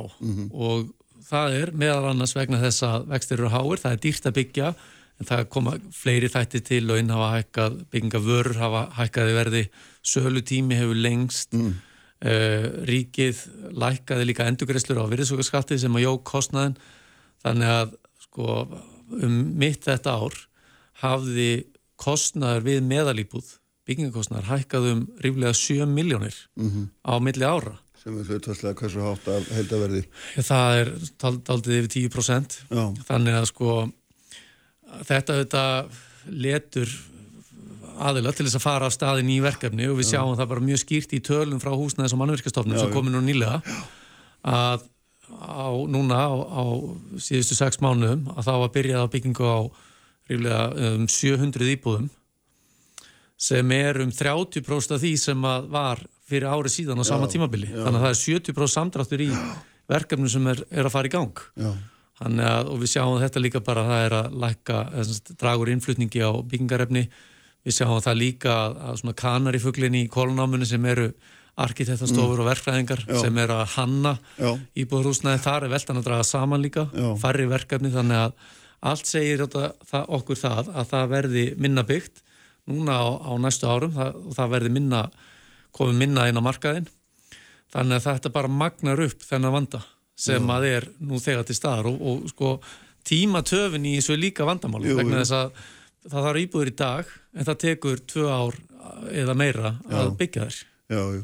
En þannig að við erum að tala um við erum að tala um minna frambóð en sívaksandi eftirspurn og við erum minkandi frambóð á móti sívaksandi eftirspurn sem að þýðir í einfaldri hagfræði verðsprengjur. Já, það þýðir að verður mun hækka þegar aðstæðu skapast. Að, og eins og ég segi Sæðlabankin heldur markanu niðri með handabli Já. og það er auðvitað staða sem gengur ekki til lengdar.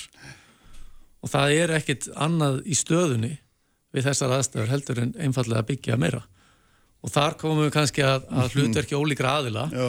ég meina ríkið er að mörguleit að gera mjög góða hluti innveðar á þeirra hefur hefur sett á stað endurskoðun til dæmis á byggingareglugerð til einföldunar það er búið að endurskoða lög, mannverki, það hefur verið að endurskoða skipulaslögin þannig að ítundir stafrana þróun í þessum efnum og svo mhm. framvegs og framvegs mm -hmm. en sveitafélögin eru því miður ekki að gera sitt. Þau eru mörg, þeim finnst þeim öll standa sig gríðarlega vel mm. í þessum álum, þeim finnst þau öll vera að, að sko bjóða nægar lóðir og, og standa sig vel í skipilagsmálum, mm. en þegar við leggjum saman þessi áform, mm. þá eru þau einfallega ekki nóg. -hmm. Og við sjáum það til dæmis bara byggingar hefa lóðir, af því það er að sjá upplýsingar um þetta á vefnum. Byggingar hefa lóðir til dæmis í Reykjavík, við skoðum það bara, að þá sjáum við bara lítið dæmi, heklureiturinn Það eru fimm lóðir mm. og það eru allar saðar byggingarhefar. Ég kerði þarna fram hjá áðan. Mm. Það er bílasala í fullur ekstri. Það er augljóst og það er, verður ekki byrjað á, á sko framkvæmdi mun ekki hefjast þar neitt á næstunni. Mm. Og þannig er þetta bara víða um, um borgina. Þessa lóðir sem eru byggingarhefar að mati borgarinnar, svo dæmis er tekið, það er, það er búið að ráðstafa þeim.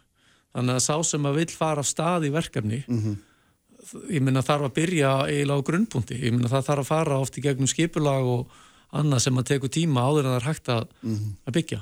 Þannig að við, sko, lausnin lítur að vera svo að finna einhver svæði oh. það sem hægt er að byggja mikið magn á mm -hmm. skömmun tíma mm -hmm. og við eigum að minnstakosti tvö slík svæði á höfuborgarsvæðinu það er annars að blikastæðalandið og hins vegar er það keldnaholtið og eins og með keldnaholtið að þar var samkeppni og við fengum að sjá niðurstöður þar um daginn þannig að ef að rétt er að málum haldið mm -hmm. þá ætti að vera hægt að hefja framkvæmdir þar á næsta ári árið 2024 En forsendur þess að hérna, það sé hægt eru mm -hmm. að vextinni læki það annars hérna, geta eða fara verktakar verðilega ekki að stað og kaupindunni standa ekki rauðum heldur sérstaklega ekki þeir sem að eiga að fara að einn sem eru fyrstu kaupindur svo kallar mm -hmm. þeir komast alltaf ekki í gegnum gegnum greiðslumati eins og málum er háttað Nei, vona, sko, þeir náttúrulega munum þá fara í gegnum greiðslumati eftir þrjú ár, mm. þannig að við skulum vona að staðan verða orðin mm. aðeins betri þá já, já. en það er alveg rétt, það kannski þarf einhvern veginn að íta við, við þessu, en gleymum því til dæmis ekki eins og með keldnáhaldið mm. að það er það ríkið sem á landið það hefur rætt um sko, að það þurfa að treysta samgöngurnar til þess að þetta gangi eftir og ég sé ekkert í fyrirstöðu að það sé ekki hægt að flýta bara samgöngum þangað upp eftir mm -hmm uh, núna þannig að það er verið komnar eftir þrjú-fjögur ár til, til þess að greiða fyrir þessari Já. uppbyggingu sem er algjörlega nöðsynleg. En þetta er hins vegar umvöksunar efni að í gegnum söguna hérna hjá okkur, Já. ef við horfum alveg hundra ára aftur í tíman, þá hefur með reglulegum millibili þurft að fara í átagsverkefni í íbúðu uppbyggingu og við þekkjum auðvitað mörg dæmi það, eh, breiðholtið og, og, og, og svo framvegs og framvegs. Mm. Þannig að við erum í einhverju átagsmenningu sem við verðum einhvern veginn að komast út úr. Mm. En eina leiðin til þess er einhvern veginn að vinna á vandanum, byggja mikið af hafðkvæmu húsnæði uh, og síðan þá að fara í, í fleiri verkefni samhliða. Nú höfum við líka séð að minnst að svona aðeins áhugavert þessu samingi er það að við höfum séð svona víða um Evrópu og, og, og hérna líka að fólk er alltaf að rýsa upp á aftilapinnar gegn þessum hröðu framkvæmdum sem eru oft ansið sviplittlar og ég ætla ekki að nota orðið ljótt vegna það er svo mikið smegsadrið, við getum mm. alveg kallaði sviplitla, það það er það er engin líf og hérna og, og svona, og taka kannski ekki mikið mið af svona hvað maður að segja hlílu og borgarumhverfi heldur eru fyrst og hægst reistar og einhverjum öðrum forsendum. Mm -hmm. Þetta er eitthvað sem við hljótum að þurfa að skoða jafnliða. Já, algjörlega. Algjörlega, en við mögum heldur ekki gleyma því að, að sko við erum auðvitað með frábæra arkitekta hérna á Íslandi mm -hmm. uh, sem að sem að tegna mikið minni hluta húsnæðisöndar Já, þeir er sannlega að kunna sitt fag þannig að við erum, við erum sannlega með hönnuði sem að, mm. sem að mm. kunna þetta og hafa sínt það að þau gera fallega byggingar þannig ég treysti þeim fyllilega til þess að Já. að koma af krafti inn í, inn í þetta bara eins og það hafa gert En þú veist það náttúrulega þegar kostnæðin hækkar svona mikið að þá þetta, þarf að skera niður einhver staðar í í hérna, því sem að það svona kostar mikið en er fyrst og hens fyrir fegurinn, ekki satt? Já, Heldur það ekki? Sko, Freistast menn ekki til þess? það auðvitað fyrir all, sko, auðvitað skiptir máli hvernig þetta er gert. Já. Ég meina, sumt er kannski einhverja viðbætur sem er hægt að skera nýður og, mm. og hérna, án þess að það rýri einhvern veginn fagfræðilegt gildi og, og svo framvegins, en svo má að heldur ekki gleyma bara þætti stjórnsýslunar í þessu. Mm -hmm. Ég meina, veist, hver mánuður í skipilagsferðli eða leifisveitingaferðli eða annað kostar alveg svakalega mikið í fjármaskostnað. Mm -hmm. Þannig að bara með því að auka skilvirkni þar getur við líka náð hagkvæmni og sem er þá hægt að nýta ef að það er einhver viðbóta kostnar annars mm. þannig að ég held að séu það, það þarf að horfa á þetta frá öllum hlýðum Já, en, en, en sko já, já það, það er auðvitað þannig og, og hérna en hvað sér þú svona fyrir þér í, í þú veist, ef þú reynir eitthvað en að reyna svona í bara veist, allra nánustu framtíða því þetta er auðvitað, sko við erum að fara inn í kjærasamninga það sem þetta á að vera aðalmálið. Mm -hmm. og það er staðan er eins og hún er. Já. Uh, þetta, það sem þú ert að lýsa er, eru framkvæmdir sem að vera tilbúinur eftir þrjú ári eða já, en þá síður, síðar. Einmitt. Hvað er hægt að gera í svona það er auðvitað bara staða ef eitthvað er, já, já. eitthvað er yfir höfuð hægt að gera á svona skamum tíma og leggja inn í inn í slíka hluti sko ég held að það sem þurfa að gera þarna er að sko, sveitafélagin þurfa að koma meira á borðinu þau mm. þurfa að koma með lóðir eða svæði þau þurfa kannski að að hérna horfa aðeins öðruvísa málinn og ég held að, að sko á síðast ári sáum við það að innviðar á þeirra tók fórustu í málinu, mm. bóðaði uppbyggingu 35 stípuð á Já. áratug Já. og það var gert rammasamkomlaði sveitafélagin. Auðvitað söknum við þess að sveitafélagin hafi ekki tekið betur í mm -hmm. þetta, það er bara búið að gera samningu eitt sveitafélag og það er Reykjavík. Eh, þannig að hvar eru samningarnir við all hins sveitafélagin? Þau hljóta að sko hafa metnað til þess að koma myndarlega að þessar uppbyggingu. Kanski það ríkið að hugsa málið aðeins öðruvísi, ekki bara einblýna á, á sko, veist, félagslega uppbyggingu eða þannig, mm, heldur mm. bara eh, er verkefni það að það sé uppbygging almennt og sveitafélagin komið þá bara með lóðir og, og, mm -hmm. hver, hvert og eitt sveitafélag lítið þá gera það sem þau geti gert. Um, en við þurfum að sjá bæði sveitafélagin koma með meira afgerandi hættiðaninn og ríkið þarf líka að fylgja því eftir annarkort með þessum samningum mm. og ef það gengur ekki upp þá hlýtur ríkið að þurfa að skoða það mjög alvarlega hvort að það þurfi að, að breyta lögum eða grípa inn í með lagasetningu mm. sem að myndi þeirra þá hvernig Já, hún gæti þá komið að setja einhverja kvaðir á sveitafölun varandi uppbyggingu eða Skuld, skuldbundu þau til þess að gera eitthvað einan ákveði tímarum Hugsanlega eða haft áhrif á skipilasmál eða annað, ég held að það sé marga leiðir í því en, mm. en ég minn ef þau er ekki að grípa boltan og ef uppbyggingin er ekki takt við þarfi landsmanna mm. þannig að það leiðir til einhvers efnahagslegs óstöðuleika sem að skadar þetta samfélagið allt, þá hlýtur ríkið að þurfa að skoða eða svona líta í eigin barm og hugsa hvað sé hægt að gera til þess að sveitafélugin mm. geri það en, sem er allast til að þeim. En sín ekki þessar tölur sem var stemmit að vitna í aðan frá húsnæðis og mannskstofnunum þannig að 70% samdrátt í nýframhöndum mm. uh, uh, hérna tefnilega 700 íbúðir sem fór í byggingu á 6 mánuðum, það er ætti að vera 2000 Já. til þess að þetta væri hérna innan svona ramma áhællana og Já. til þess að þetta held í við þessa fólksluta þróun, þetta sínir auðvitað bara hverslas að þetta er, að þetta er augljós tifandi hérna, sprengja í ögnublíkinu, það þarf ekki að skoða það sérstaklega. Nei, það er alveg rétt, þetta er bara þannig og það þarf að grýpa mjög hrætt til aðgerða og ég efast ekki um það að, að það séu allir til viðtalsum það en eins og ég segi, kannski mm. þarf ríkið að grýpa inn í með meira afgerandi hætt en það, en það hefur gert hinga til. Mm. Eitt sem er líka áhugavert í þessu og kemur alltaf nær áttalindar er það að hér var fyrir ekkert svo lengu fulltrúi uh, að hálfur Reykjavíkuborgar sem sagði að Reykjavíkuborg var búin að skipleika fullt af lóðum að, og búin að láta þær í hendur á verktökum eða, eða einhvern sem ættur hefði kiptar og ekkert gerðist vegna þess að þeir sem eiga lögurnar er að býða eftir að þær ná einhverju tilteknum verði til þess að geta seltar aftur og við þekkjum svona dæmi við erum hérna með hérna rétt hjá okkur bara hérna hodnin á Suðlandsbreyt og Grensarsvegi loð sem að markvaldaðist í verði milli milli hérna manna áður en að nokkuð var byggt mm -hmm. og, og að hvað miklu leiti er þetta að hamla uppbyggingu? Þetta hamlar uppbyggingun talsveit mikið Já, er, þetta er sko, algengt. Já, þetta er því miður nokkuð algengt og á einhver leiti er þetta bara staða sem að sveitafélagin hafa búið til. Nú? Sveitafélagin alltaf, bara þau hafa sína ástæði fyrir því. Auðvitað hugsa vilja þau fá sem mest virði fyrir sína reygur mm. þegar þær eru bánar út.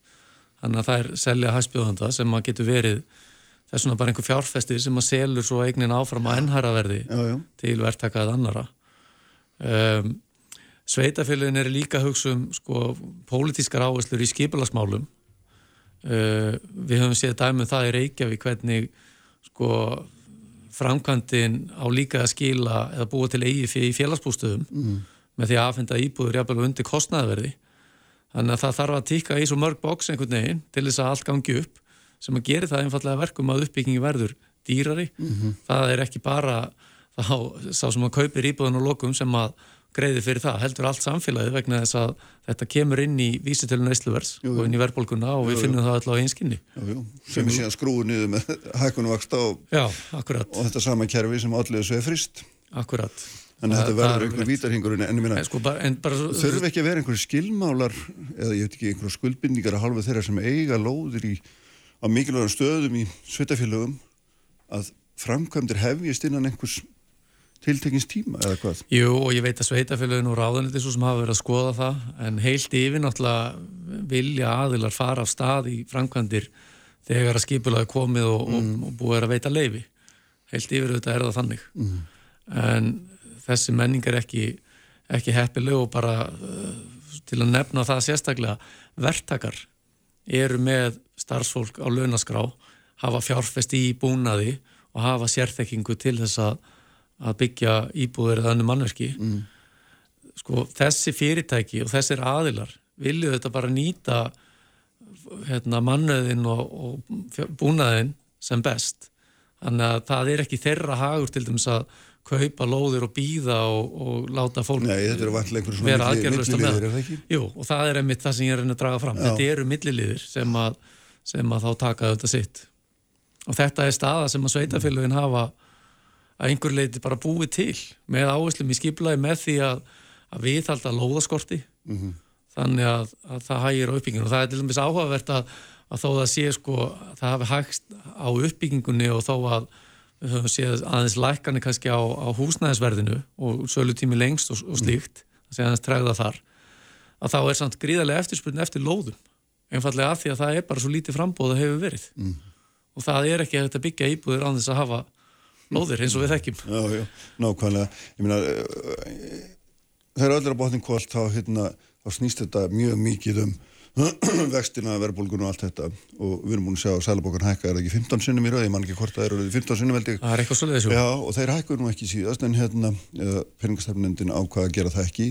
En bankarnir hins vegar hækkuðu að mist úrstu tveir en það eru mm -hmm. an, annar búin að gera og hinn er búin að, Arjum Búin og Íslandsbanki búin að tilkýna, veit ekki með landsbankan hvað hann mann ekki hættur á að sé það en, en, en þú veist það hérna, þessar vendingar um verðhjöðnun og, og hérna, lækun verðbólgu og lækun vaksta uh, eh, verðast ekkert meðan ekki ætla að ganga eftir með því svona hraðar sem að sem að spáða var. Nei, þetta gengur hægt, það er alveg rétt. Hvað hérna... finnst þér að Sælabankinni að gera næstu þú ættir nú að sitja hér á ráðleikjanum? Já, sko ég, við, við náttúrulega vitum það að það tekur talsverðan tíma, marga mánuði fyrir vakstahækkanir að skila sér að fullu leiti út í hagkerfið og við erum auðvitað að sjá núna hvernig vakstahækkanir sko, fyrra á þessu ári er að koma inn að fullum þunga mm. og, og sko, vakstahækkunni svo ágúst mjög há á eftir að koma inn líka frekar mm. þannig að ég sko, er ekki samfarið um að það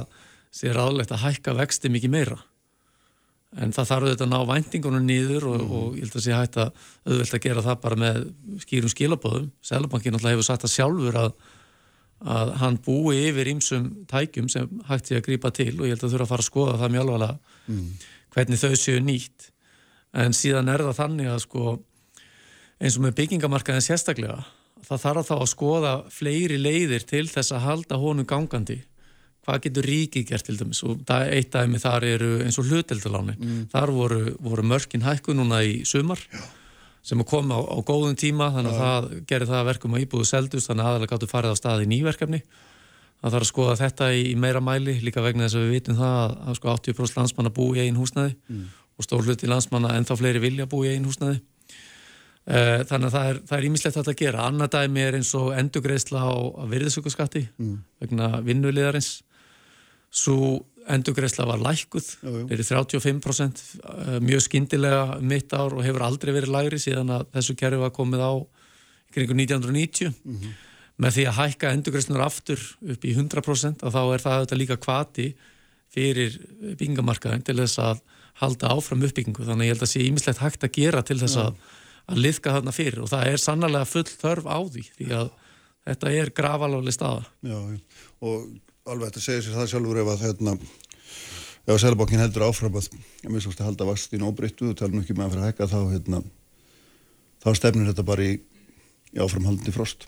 Já, það gerir það. Mm -hmm. og það er auðvitað engundi góðs að það verði. Ég meina við þurfum öll þakka yfir höfuðið. Landsmennum fjölga mjög mikið þannig að vandin bara ekst og ekst með hverjum deginu sem líður.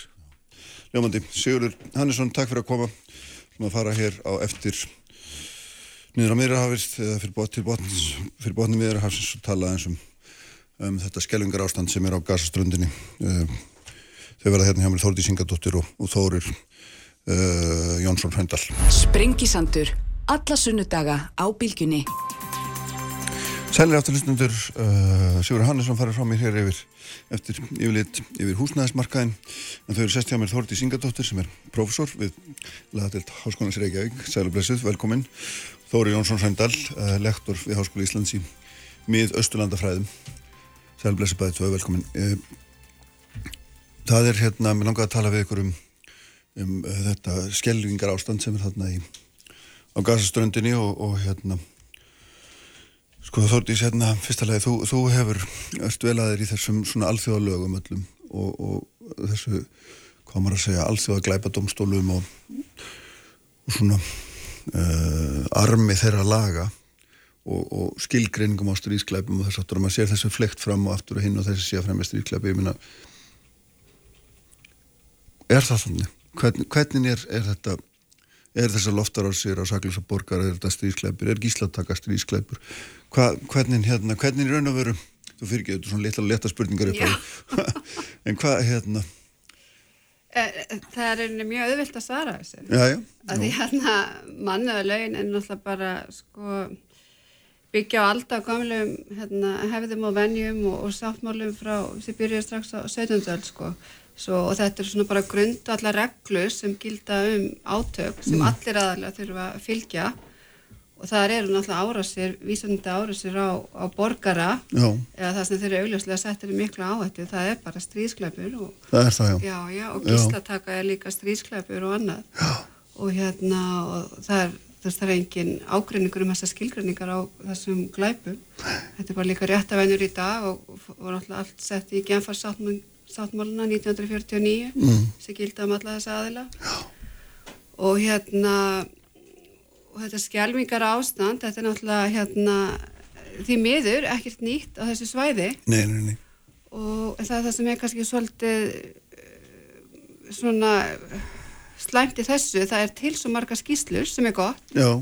það voru settar rannstunarnemndir eftir átækjum 2009 eftir átækjum 2014 mm, eftir átækjum 2021 já, já. sem allar komist á þeirri niðurstu, þetta var alveg að þarna hefði stríðsklæpi verið framtir af báðum aðalum og, en ekkert gerist mm. þetta, var, þetta er sko þvílikt mikið til um þetta Já. það er kannski aðeins núna svo, kannski ykkur jákvæði punktur að hérna, sem er breyting núna er að Palestína var aðilega Róma sáttmálunum ára 2015 svo alþjóðlega sakadómsallin hefur lögsu í málunu Já. bæði og öllu því sem gerist á hernundisvæðanum og í Ísrael ef það er framið aðeins sem eru frá Palestínu. Mm -hmm. svo rauninni loksan er það er svolítið nýtt. Og hérna og það er búið að vera samt í meðfyrð það er kannski allt og mörg ár. Þeir vísu málunni formlega palestinumenn til meðferðar saksóknara hvað árið 2018 Já.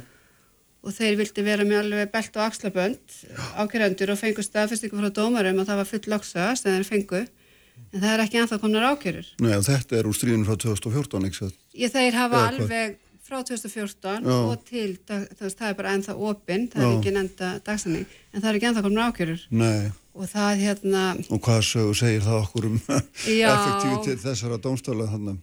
Það er náttúrulega, sko, alþjóðlega sakadómstálinn, það er náttúrulega svolítið mikið að gera þar. Þeir eru með 16 átök mm. sem eru núna aktíflega að skoða. Já. Og það er náttúrulega Ukraina, það er Sútan og það er Afganistan og þú veist, það er alveg bara Filipsæjar og annað, það er langu listi í Mæjamar og það er náttúrulega farið talsast mikið auglustlega í Ukrænu það er líka þessi samabjörði núna að vera að setja pressu það sé ekki svona mikil áherslu á eitthvað eitt umfram annað. Mm. sem maður kannski vonar að það fara að byrtast ákjæru fljótt þá kannski út af fyrirglæpum allavega. Já. Að því þeir stöðist eru búin að, búin að vera skoðað í mörg ár og væri að fara fram þess vegna fengum við samþýgt að fara fram frá dómurum að því væri komið mál. En við erum ekki konað með ákjörðunar en það er allavega eitthvað í ferli þar. Já. og aftur sko allþjóða dómstólinn í Haag sem er málmiðli ríkja aðeins til dómstól samlið þjóna var náttúrulega með ráðgjöfandi álit árið 2004 mm. Sem hann tældi byggingu veggjar á Vesturbakkanum og byggðunar brota á allþjóðalögum Já En eftir enn einar rannsóknarskísluna núna hvað, 2021 og 2022 þá kom stóra álöftum frá allsverðingi saminu þjóðana síðasta desember sem Íslandinga tóku meðal hans þátt í og það er komið nýtt mál fyrir allt þetta námstálinn í hag um afleggingar að görðum Ísælmanna í Palestínu. Mm -hmm. Það er mjög stort mál og það er 55 lönd tilgætið sumar þeim er að senda í sína greiningir um það. Svo það er aftur að fara að stað þar stóru málaferli. Svo það er svona en að samaskapi hefði ég ætlað að bara lögsa alþjóðlega sakadóstólinu hefði haft meiri varnar áhrif í þessum átökum. Já. en það er svolítið erriðt að dæmi það núna en allar svona fyrstu síðan finnst það ekki vera. Nein, hvernig hérna eru þú þekki vel til þessu svæði. Hvernig metur þessa þessu stöðum að svona veldur þetta fyrir sig þá við kostum okkur nú lögunum bara í póldingina sko hérna hvað er það sem að vakir fyrir þeim sem að upphála að gera árásvagnar þeir vita að þeir verða sprengtir í tællur hvað, hvað hérna hvernig lestu í, í þess að það gerir Hamas? Já.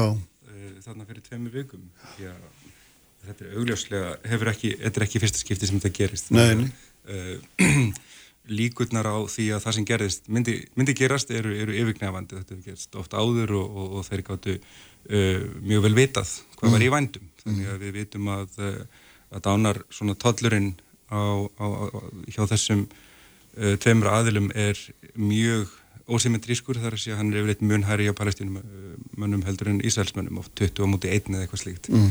þannig að já, Hamas er stjórnmála afl en, en þeir eru líka með þeirran vopnaða bæng sem að Er þeir drifnir áfram engungu af andúð hatri á gýðingum? Er það eina... Já, þarna myndi ég nú sko fara líka að gera svolítið greinaminn á gýðingum og Ísraels ríki og þetta er ofta svona það sem kannski vantar umræðan er að, er að við ættum ekki, ekki að slá þessi svona algjörlega saman sko. mm -hmm. það er fyrst og fremst eh, andúð sem eins og ég lesi það sem reykur þá áfram sem er, sem er andúð og hatur eins og þau segir á aðgerðum Ísraels stjórnar eh, frá 1948 áfram og sumulegðist þá vestur veldónum sem hafa stutt við þá stefnu mm -hmm.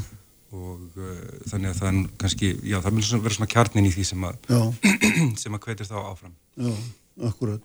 Það voru þessi er sko að því að nefndi þarna 48 og, og við erum að líka farið bara 100 ára eftir í tíman þess að það er auðvitað eitt af því sem að er svo merkild við þess að þróuna og miklu lingra auðvitað já, einmitt, að, er að, er að hérna sko, það er eignarhaldi á þessu landi þar sem að Ísæðis ríki er í dag þetta er náttúrulega stórum hluta hernum í land mm. í öllum skilningi jú.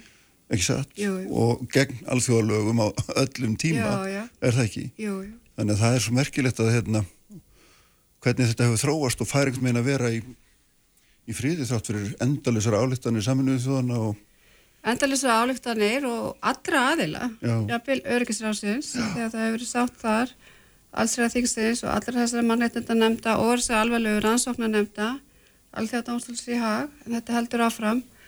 Og þetta er alltaf skapar áfram líka mikil átök. Hvað eru komið, halva miljón landöku fólks í Vesturbakkan þar eru bara mjög aukin átök. Já, 600.000 allavega síðast. Já, Já þú veist, þetta er bara Já. Og fær svolítið að vera í öllu, að því ég er að tala um öllu þessi alþjóðalög og mannaflög það sem er svo slæmt, það er þetta ábyrðarleysi hendur begge aðila veist, það er augljóst að Íslandsmenn hafa oft fram með strískleipi samkvæmt þessum skýslum mm. og, og sama með Hamas mm. og svo koma endalisa ábendingar þá frá eftirlisaðalum til stjórnvalda og de facto stjórnvalda þá mm -hmm. eins og Gaza, þeir verða saksækja viðkomandi -hmm og það er bara ekkert gert Nei. svo það er svona, alltaf ári eftir ári að fylgja eftir tilmálinn sem er bara ekkert orðið við mm -hmm. svo það er orðið ekki svona kultur algjörs ábyrðarleisis mm. á ræðinu og hérna gafar til nefnum fólki Já, en er refsi ábyrð sko. hvernig á að sækja til saka er það bara alltaf aðstímaða ríkisins eða, eða hvernig virkar þetta eiginlega? Sko, strískleipir það getur bara verið hver sem er hérna bara hermenni sjálfur eða hver sem það er mm en hérna og það og ríkjum byr skilda, samkvæmt genfarsáttmálum að saksækja sína hermenn fyrir strísleipi en svo kannski þú ert komin í þessi alþjóðadómstóla sem hafi verið hérna síðustu ára og tíu og alþjóðasakadómstólun þeir eru bara saksækja þessu efstu. Þeir, þeir vilja að landsætturinn taki við þessu lagra settu. Mm. en svo kemur annað sem er ábyrð ríkja. Það er ekki refsaréttur það er bara ábyrð ríkja að fylgja þessum sáttmálum og það grýpur líka alls konar glæpi sem myndi aldrei svona svona kæruleysi það verða sprengir og annars þú getur aldrei svaksótt sko einstaklinga fyrir það mm. vantar ásendingin eins og það kemur svona öðruvísa hegðin sem myndi þá líka falla byrjum á byrjíkja og það er svolítið aðgreina þetta. Mm. og á byrjíkja er það sem er fyrir fyrir alltaf dóstólunni í hag en það er líka á byrjíkja að saksækja sín sitt fólk sem fremur strísklefina mm. það er náttúrulega bara grundvallar regla að genfa sáttmáluna Já, það er tóntmál að tala um þessu þessari sögur Já, já, en það er svona við þurfum kannski bara líka að vera segi, það er komið nýr aðilinn í þetta allþjóða sakatónstallin og það er alltaf búið áratöyu að tala um ábyrg ríkja Ísraels á þessu og síðan þá Palestínu að sinna ekki sínu. Mm. en þegar kannski kemur ábyrg einstaklingana, kannski vonandi fyrir það að reyfa við reyfa eitthvað við. Já, já, og síðan nú að hérna þessi helsti saksóknari alþjóða gleipastrónsfólk er hart gagnundur fyrir að láta ekki í sér heyra Já, ég, og ég bara vil taka undir það það tók hann mm. allt og langa tíma eftir þessi voðaverki á hafnast, það tók hann marga dag að breðast til því það ekki, voru ekki góð skilabóð Nei. og líka bara í þessum átökum sem er innan dómstólsins um þessi ólíkur ólíkar áherslur á svæði þannig með svo mörg mál á sínu borði Já. þetta verða að vera jafnbreiði það er svolítið eigur líka þá gaggrin eða allavega svona hitar undir það. Já. Hvað hérna, Þórir, þú setur það eins í spámanstellingar, hvað hérna við erum að horfa bara framann í tortimingu, það er bara Já, það við vorum að tala um þetta á en það svona okkur finnst því að það hafi aðeins róast Já. svona ástandið. Já. þó það sé ennþá skellulegt auðvitað. Uh, en, en að spá fyrir hvað hvað gerist eitthvað í framhaldinu það er kannski ekkit sérstaklega auðveld sko, en það er líka veldur á kannski um, uh, viðbröðum um heimsins Já. sem að, uh, Ísrael uh, fremur glæpi og er í trási við allþjóða lög þarna hverju minnsta degi síðust ára tugi og, uh, og semst að þau gera það þetta í skjóli uh, allþjóða samfélagsins mm. bandar ekki hérna fyrst og fremst og svo uh, Afrópu sem að auðvitað hefur gríðalegt svona sögulegt saminskapit meðferðin á geðingum og, og þá ekki sýst englendingar sem að uh, sjálfur ákveð geðinga úr Englandi já, já. 1290 þetta er, þetta, er, þetta er sagan sko, sem er hérna gríðalega sterk á bakvið þetta allt saman sko. þannig að uh, ég held að uh, ef við, ef við minna, það sem að Þortís nefnir og ef við fáum að sjá einhvers konar frekari viðhorsbreytingu gagvar þessum heimsleita þá, mm. þá kannski getur við verið eitthvað vongóð en, en um, það hefur já, það hafa verið nokkru tilurinu verið gerðar en, en ég held að strandi alltaf á þessu refsileysi og þessu, mm. þessu viðhorfi gagvart því að Ísraelsmenn eins og það stundum orða hafi rétt til þess að verja sig mm. og með þeirri stanslust að fremja glæpi mm. uh, það þarf að breytast. En hvað, sko, því að þetta er mjög áhugavert að, jú, að hafa þetta rétt til að verja sig en á einhverjum punkti lítur að vera þá ertu búin að verja þig nóg og ert farin að gera eitthvað annað sækja fram, mm -hmm. er það ekki? Jú, ég Ég meina það er hvað, bara, skiptir það einhverju máli í þessum? já, auðvitað og það er náttúrulega bara, þú veist, hemdir allt, það, hún er bara ekki leifið, samkvæmt mannaðalögum og hérna, það er aldrei auga fyrir auga, auga þú veist, það fyrir tönn, það er bara er ekki til í, í þessum fræðum eða þessari, þess að segja, alltaf gömlu hefðu sem alltaf ríki hafa fyllt Mm. og það er kannski ekki, því við erum ekki alltaf sko, svona mikið að hugsa um mannu, það er bara út af eigin hagsmunum, eða vita að þeir framfylgja lögum þá mun þeir, þeir eigin hermun, þú veist, fá Mm. góða sko meðferð líka hjá gagnaðalunum. Og það er svolítið sérstætt í þessu máli hvað það hefur ekki verið þeir hagsmunir. En hérna en svo er náttúrulega líka bara það gerist náttúrulega ekkert allt í refsiréttunum. Það er náttúrulega pólitísk löst eina sem mun eitthvað held ég reyfa við þessu en þá allavega held ég svo ertu með þessu gömlu ákvaði minna gefa sáttmálanir um mannálu, öll ríki heimsaða fullgilt það og það er þessi fyrsta grein að ríki byr skilda til að tryggja að ríki fylgja þessu. Og það er náttúrulega rosalega pólitíst þá ábyrð allar ríki að reyna að stuðla eitthvað pólitísku laust, að stíga framst það fyrir að horfa á. Og ég held líka kannski bara við erum með þetta nýla nýlu átöku í Evrópu það er búið að vera svolítið að lappa út úr kassanum politist hvað er verið að gera. Mm. og það lítur þá kannski líka svolítið að setja fordami að það sé kannski eitthvað annað eftir hægt að prófa. Já, í þessu samingi bara út af því við erum með þetta, samaburð nákvæmlega, já, já, akkurat. Það er alltaf hérna, já, það er eins og nefndi þóri líka að það er svona, að því að þegar maður er að tala um nútíman þessu svæði þá er maður einhvern líka alltaf að flektur í árþúsunda fortíð og hérna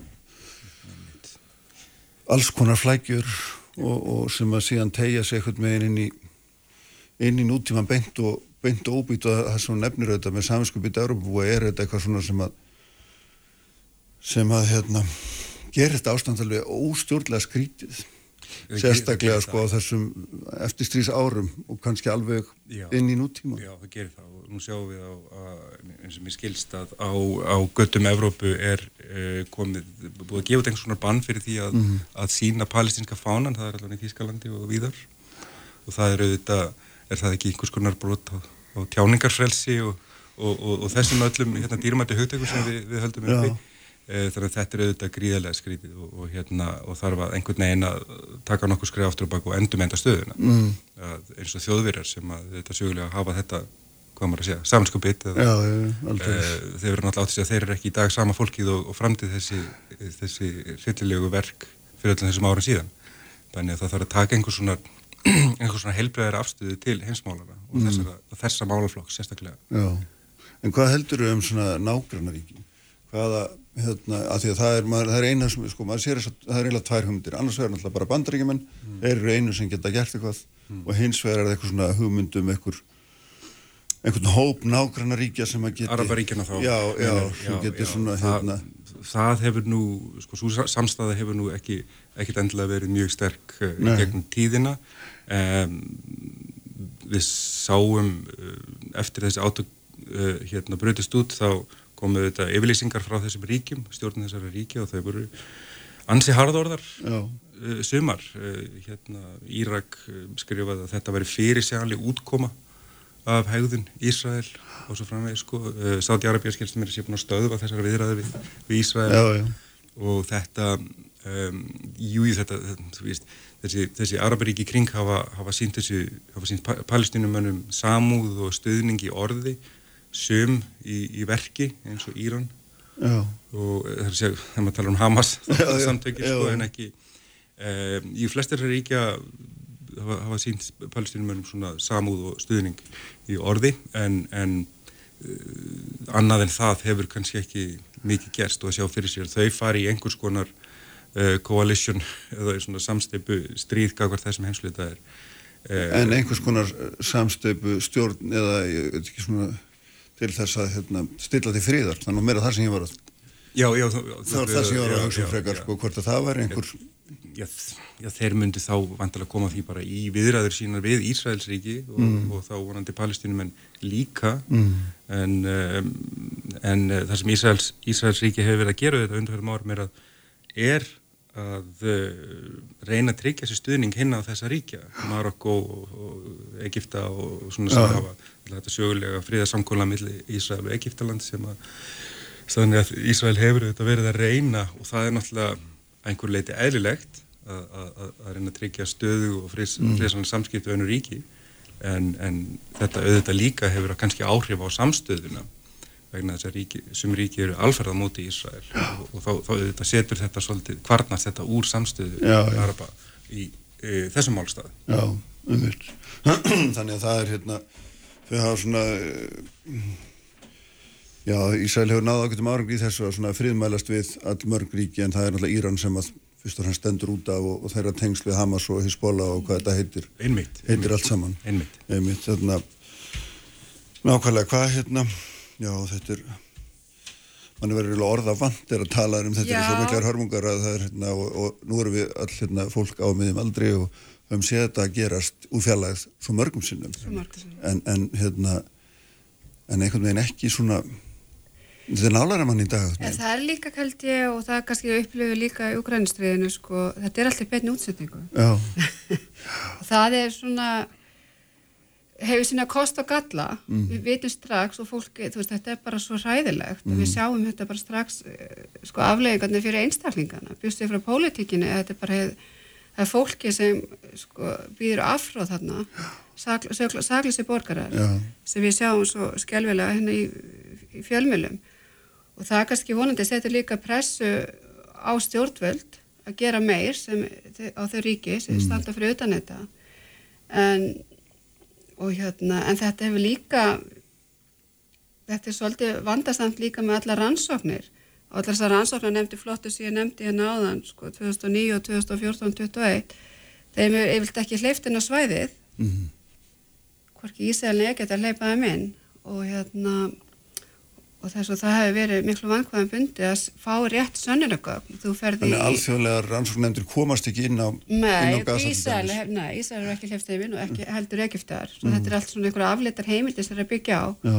og svo er það líka orðið bara allar síðust árum orðið svolítið taknilega erfitt. Maður veit ekkert hvað er upptökur eru réttar eða nei, ekki. og þetta er þú veist, það, þetta er mikla kosti að hafa aðgang að þessu en það er líka orðið vandasamt og á þessu svæði sérstaklega í, í, á í Palestínu í Ísrael það var stór skýslu það síðasta sumar. Það er náttúrulega mikill sko, árasir á fréttamenn og hlutlösa bladamennsku og, og lögfræðingum aðratinda á akademíina mm.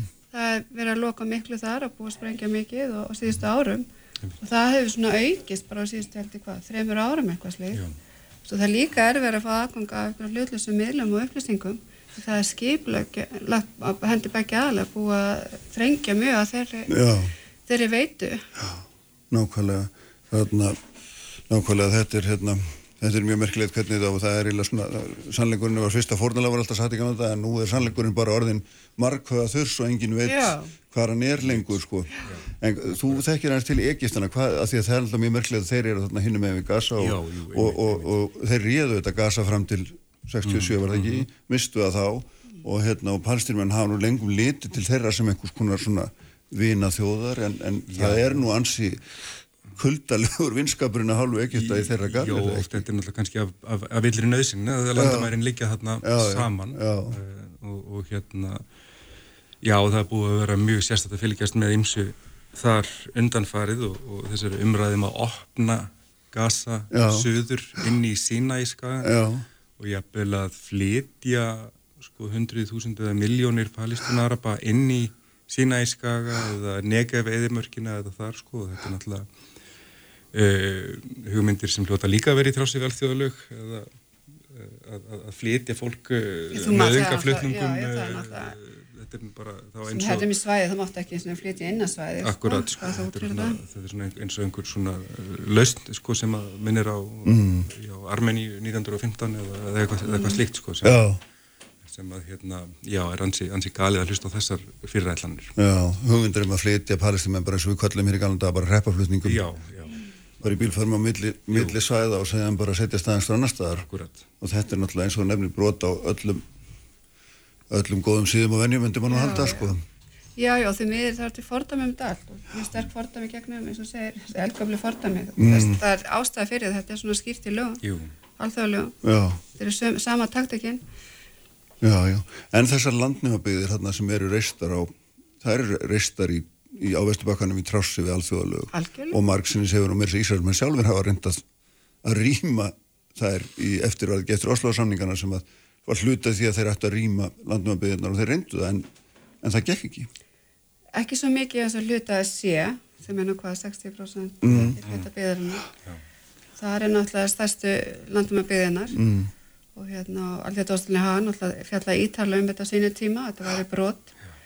Og þetta er kannski erfiðast í dag fyrir þetta tvekja ríka sko, framtíð Já, já. að eiga við hvað átt að gera við þessar landnumabygðir. Já. Já, Svona- og svo, já, já, landmenn byggðarnar og svo auðvuslega líka bara þessa vegi og veggi sem eru byggðir í gegnum byggðir land, eh, palestinumanna með Já. mjög svona útreiknuðum hætti, Mm. skipta þessu upp í skika þannig að eh, fólk komist ekki að, að því sem það er að rækta, eh, palestinumenn með ekki nota þessa vegi, Mm. svo sem heldur sem hefur verið að gera þarna, þannig að það er, það er, þetta er, þetta er projekt bara, sem Já, hefur verið í gangi í ára tíu og það er ekkert að líta fram hjá því. Nei. Nei, þetta er svona eitthvað veginn það er eiginlega hérna og lausniðar sem hafa verið nefndar einmitt það sko, menn hafa verið að tala um það ekki að sko einhver, einhver tíma vildi menn fara aftur til landamæra 1948, svo bakkuðu menn til 67 og í Oslo samningnum er náttúrulega er bara núverandi landamæri á svona nokkur veginn sem er samið um þannig að þetta verður alltaf alltaf smarri og smarri biti fyrir palestínum en í Já, já. hvert, sam, við hvert hérna hvert samkomlu sem gert er eða reyndir að ná ekki satt En nú kannski, ég ætla bara, maður verður að vera eitthvað að fara inn í Já. sjöndaginn bjassi, Já, sko. já. Nú er komið svolítið eitthvað kapp, eða ekki, svona millir Bríkslandana og, og bandarækina, hver mun á lausni í þessu, er hvað komið já. með svona meiri, Já. ég veit það ekki, ég er ekki... Þetta verður ekki bara, ekki En bara kyn, kynverðarnir? Já, það er svona, Að hver mun, um hver mun leysa þetta, það er alveg sterkari línu. Indverjar er er- talað um að þeir geti hérna Já, því indverðarnir eitthvað náttúrulega sína kannski stefnu gækvart múslimum og öðrum sem er ekki, ekkert endilega til eftirbreytni. En, en ef við lítum á þetta svona, breytar hafa sitt moment í miðustulöndum. Já. Þeir eru þarna með aðalablið, þanga til að hætta að nenn að stjórna þessu svæði 48 og, og þá stíga bandarækjumenn inn svolítið og, og eru við að sjá eru við að sjá þeirra stöðu veikjast þarna. Mm. Kynverðarnir er að gera sér líklega til þess að þeir, þeir fóru stegu inn í eh, deilu Íran og Saudi-Arabi Já, og þeir, að, þeir hafa áhuga á þessu svæði, mjög Já. mikinn sem og Afríku og stórum svæðum með þetta. já Þannig að En gallin að sá að þeir njóta mikil tortryggni í þeirra garð Já, já. allavega hér í þessum heimsluta sko. Þannig að ég veit ekki hversu akkurat. hversu mjöminn myndi fagna því hmm. Herði, ég heldur komist ekki hérna ekki mikið lengri bíl en þáttist það er bara, það er alveg skýrt í þínum huga að, að þarna er verið að fremja stríðklæpa og báða búa Það báða búa, á já, lón og því dón miður. Já, og búið að vera lengi og, og það, eins og segi, það er til svo fjölda ítalega rannsóknarskíslur um það. já, En auðvitað hvað var þessi síðustu dagan, maður þarf alltaf, eins og segi, það er auðvitað að meta frá fréttaflutningi nákvæmlega hvað Já. gerist og hver, hvað voru mistök gerði eða eitthvað annað, það þarf alltaf bara að skýrast um hægist. já, já, En fyrri átök, bara allar síðustu ár, það, það er mjög ítalega skrásett, ímis, ímsi glæpir að báða búa. já, ljómandi. Bestu þakki fyrir komin að bæði tvöfum Þórir og Þórdís. Við erum að láta sprengisendinu loki í dag. Uh, Pétur Valmundarsson stýrði útsendingun í dag. Allt efni finnið á vísi.is og bilgjan.is og í bilgju appinu svo erum við með ykkur hér aftur eftir viku, verið sæl